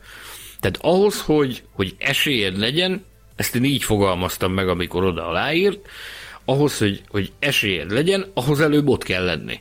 És ő ott van. van. Ott van a mixben. Ott van, ahol, ahol lennie kell, az egyik top csapatnál, ami soha nem adatott meg neki a, a pályafutása során. Most ott van egy top pilóta mellett. Ugye akkor épp a Covid-ról beszéltünk, hogy, hogy akkor abban az esetben, hogyha mondjuk a, a Verstappen tartósabban kivette volna a Covid a, a tavalyi szezonban, akkor, akkor Csekó Perezre hárult volna a feladat, hogy akkor, akkor menjen azért a titulusért, amiért lehet. Ha esetleg az, az olyan elhúzódó dolog lett volna. Ilyen szerencsére nem történt. Nézzük meg egy Eddie Irvine-t. Pontosan. Pontosan. Schumacher lábát törte, és Irvine egyszer csak ment a bajnoki címért. Abban a fázisban, ahol az ő pályafutása tartott akkor, amikor a Racing Point-tól átigazolt a Red Bullhoz, abban a, a fázisban már neki nem lehettek vérmes reményei a jövőre nézve. Tulajdonképpen semmiféle reménye nem volt neki a jövőre nézve abban az adott helyzetben. Ez viszont ehhez képest ugye óriási fordulat az ő pályafutásában, hogy ott van, adott esetben futamokat nyerhet, jó sok pontot tud szerezni, egy igazán nagy szervezet, a Red Bull egyik eh, legfontosabb eh, láncszeme, gyakorlatilag ebben a, ebben a gépezetben az egyik legfontosabb fogaskerék, ez én azt gondolom, hogy egy, egy, egy csodálatos helyzet, amit teremtett magának ezzel. Semmiféle oka, semmiféle érv nem szól amellett, hogy neki ez ellen ágálnia kellene, vagy, vagy azt kellene mondania, hogy ez így neki nem felel meg ez a szitu, ami most van. Meg nyilván az is számít, hogy milyen helyzetből, tehát egy ilyen ö, feltételrendszert te milyen helyzetből fogadsz el. És amikor Perez ezt bevállalta, ö, szemelnyi kétségünk ne legyen afelől, hogy maga az ajánlat is így szólt, hogy második számú pilótának fogsz jönni. Amikor ezt bevállalta, akkor neki a többi opciója úgy nézett ki, hogy talán esetleg a Williams, de valószínűleg az sem, vagy lehet menni el a Forma 1 Pontosan. Ennyi opciója volt. Nem volt más opciója. Semmi a világon. És, és ezek közül azért az, hogy második számú pilóta leszel az F1 egyik élcsapatánál, és ugye, ahogy mondtad, ez is nagyon fontos, hogy soha nem volt győzelemre esélyes autója. Ezt karriered során először megkapod, ahelyett, hogy nyugdíjba mész, hát na, na, hogy elfogadod, ez magasan a legjobb opció az összes közül. És ő ezt megbecsüli konkrétan, mint ahogy azt láttattuk a tavalyi szezon során, ő ezt megbecsüli ezt a helyzetet, ezzel pedig nagyon sokat tesz azért, hogy ez a, ez a nagyon egészséges páros, ez egy nagyon egészséges szinergia, ez tökéletesen működjön. Nincs ezen mit tovább ragozni, egy nagyon jó hangulatú, jó kis páros. Ha ezt így ki mertük mondani, és ki tudtuk mondani, akkor azt hiszem, hogy nem sok minden van hátra már a mai műsorból. Ö, annyi talán, hogy gyorsan elhadarom, hogy mely csapatokat ö, milyen pozícióval helyezett ez a két fantasztikus kolléga itt a Formula Podcast. Hol vannak? Hol vannak? Kik azok? 153. Fantasztikus kollégák? Hol? 153. adásában ők azt állítják, hogy a pilóták teljesítményei alapján idén a tizedik helyen fog végezni a ház. Ezt így mondhatom? Nem. Nem. nem, nem mondj ilyet, és még ilyet nem állítottunk. Pusztán azt, hogy a, pilóta párosok közül a ház szét tűnik a leggyengébbnek. Ezt állított. Akkor folytasd Gergő, nem még még a csúnyát mondok. Meg. Hát jó, akkor itt most elveszem a feladatodat, de a szép leköszönésedet majd azt úgyis te fogod elmondani.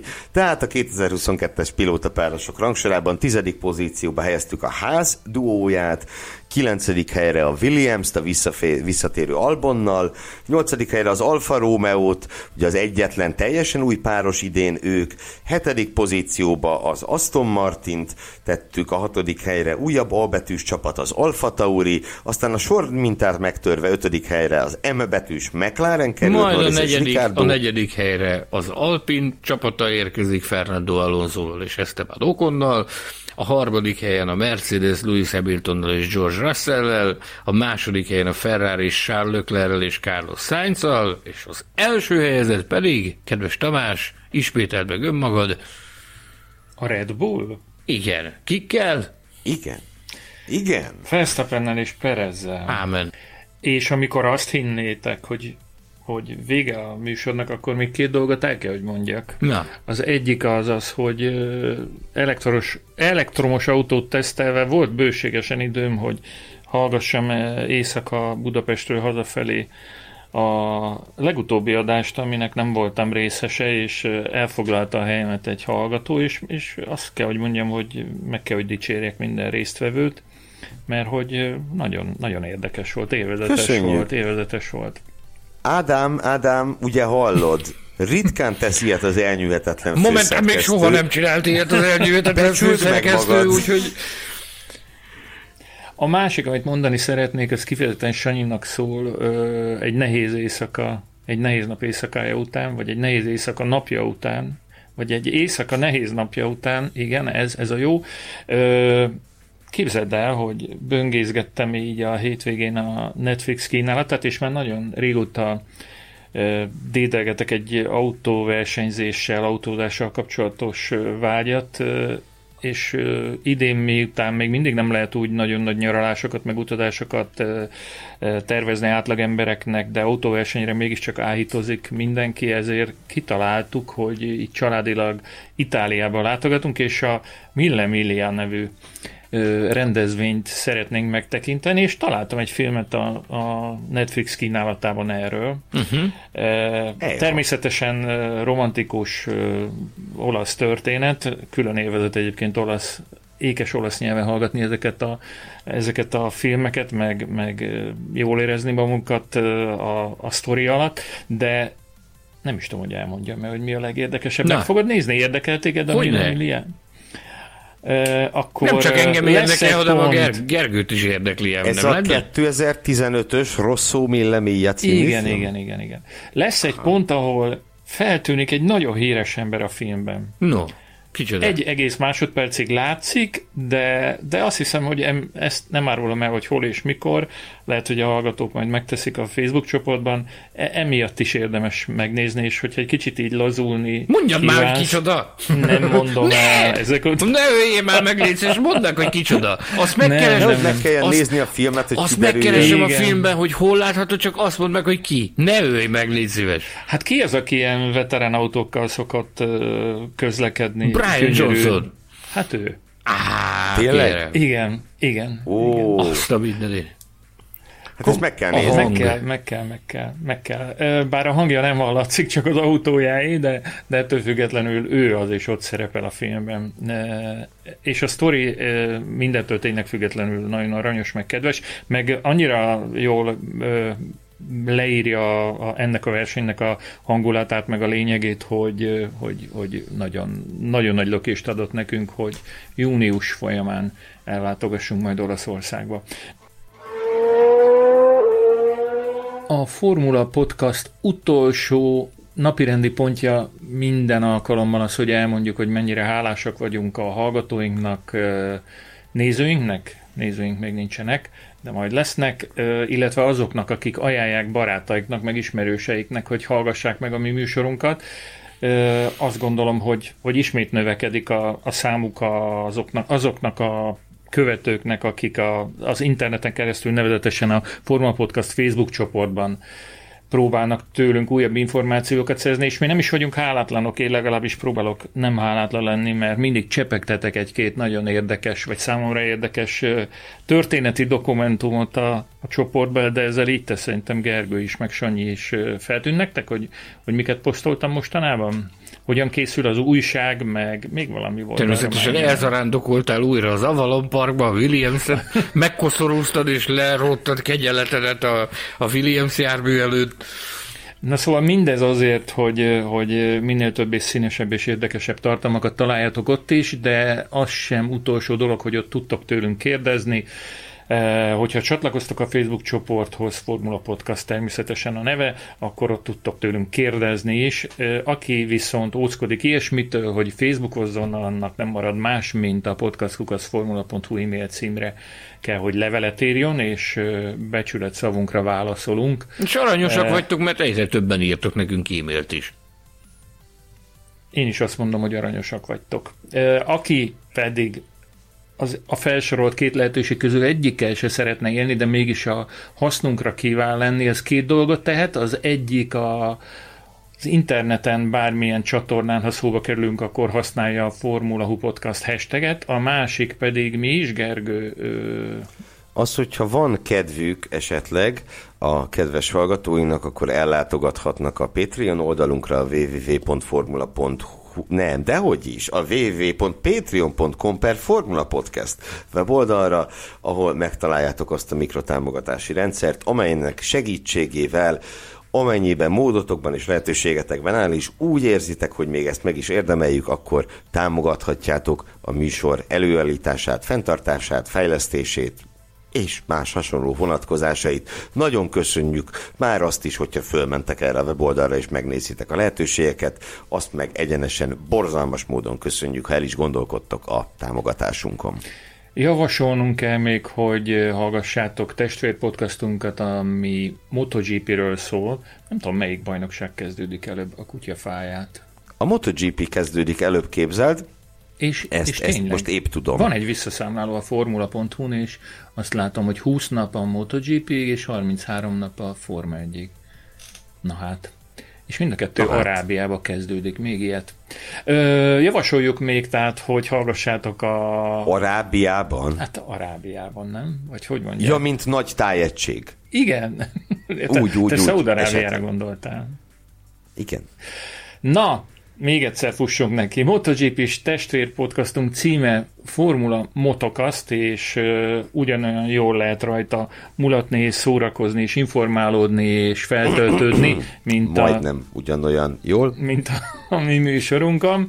Ezen kívül szeretnénk javasolni, hogy lapozgassátok a nyomtatott magazinunkat, amely új dizájnt fog kapni, képzeljék, nem tudom, ezt ti tudjátok.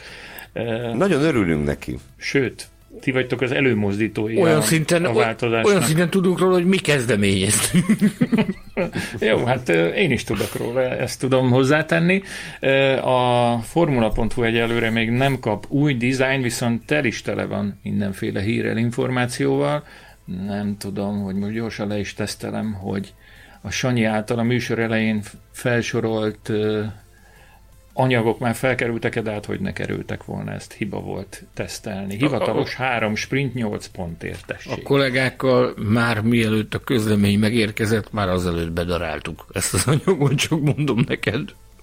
Akkor még azt tudom javasolni a kedves hallgatóknak, hogy nézzék tévéműsorainkat, keressék könyveinket a webshopunkban, egyéb csecsebecsékért is érdemes kutakodni a webáruházban, úgy, mint naptár, poszter, és ki tudja, hogy még mi minden nagy meglepetés, többek között ZIL modell autók, ez ugye bújtatott reklám volt.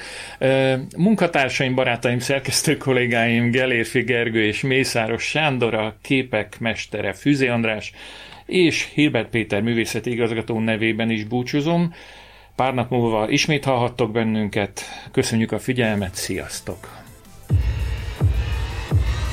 Műsorunk támogatója a tibormodel.com F1-es és utcai modellek óriási kínálatával. Hallgass meg korábbi műsorainkat, valamint iratkozz fel ránk Spotify, Google, Apple Podcast vagy más csatornáinkon. A linket megtalálod a leírásban, illetve a formula.hu weboldalon. Ha szeretnél hozzájárulni a műsor készítéséhez és fejlődéséhez, látogass el Patreon oldalunkra, amelynek címe www.patreon.com per Formula Podcast.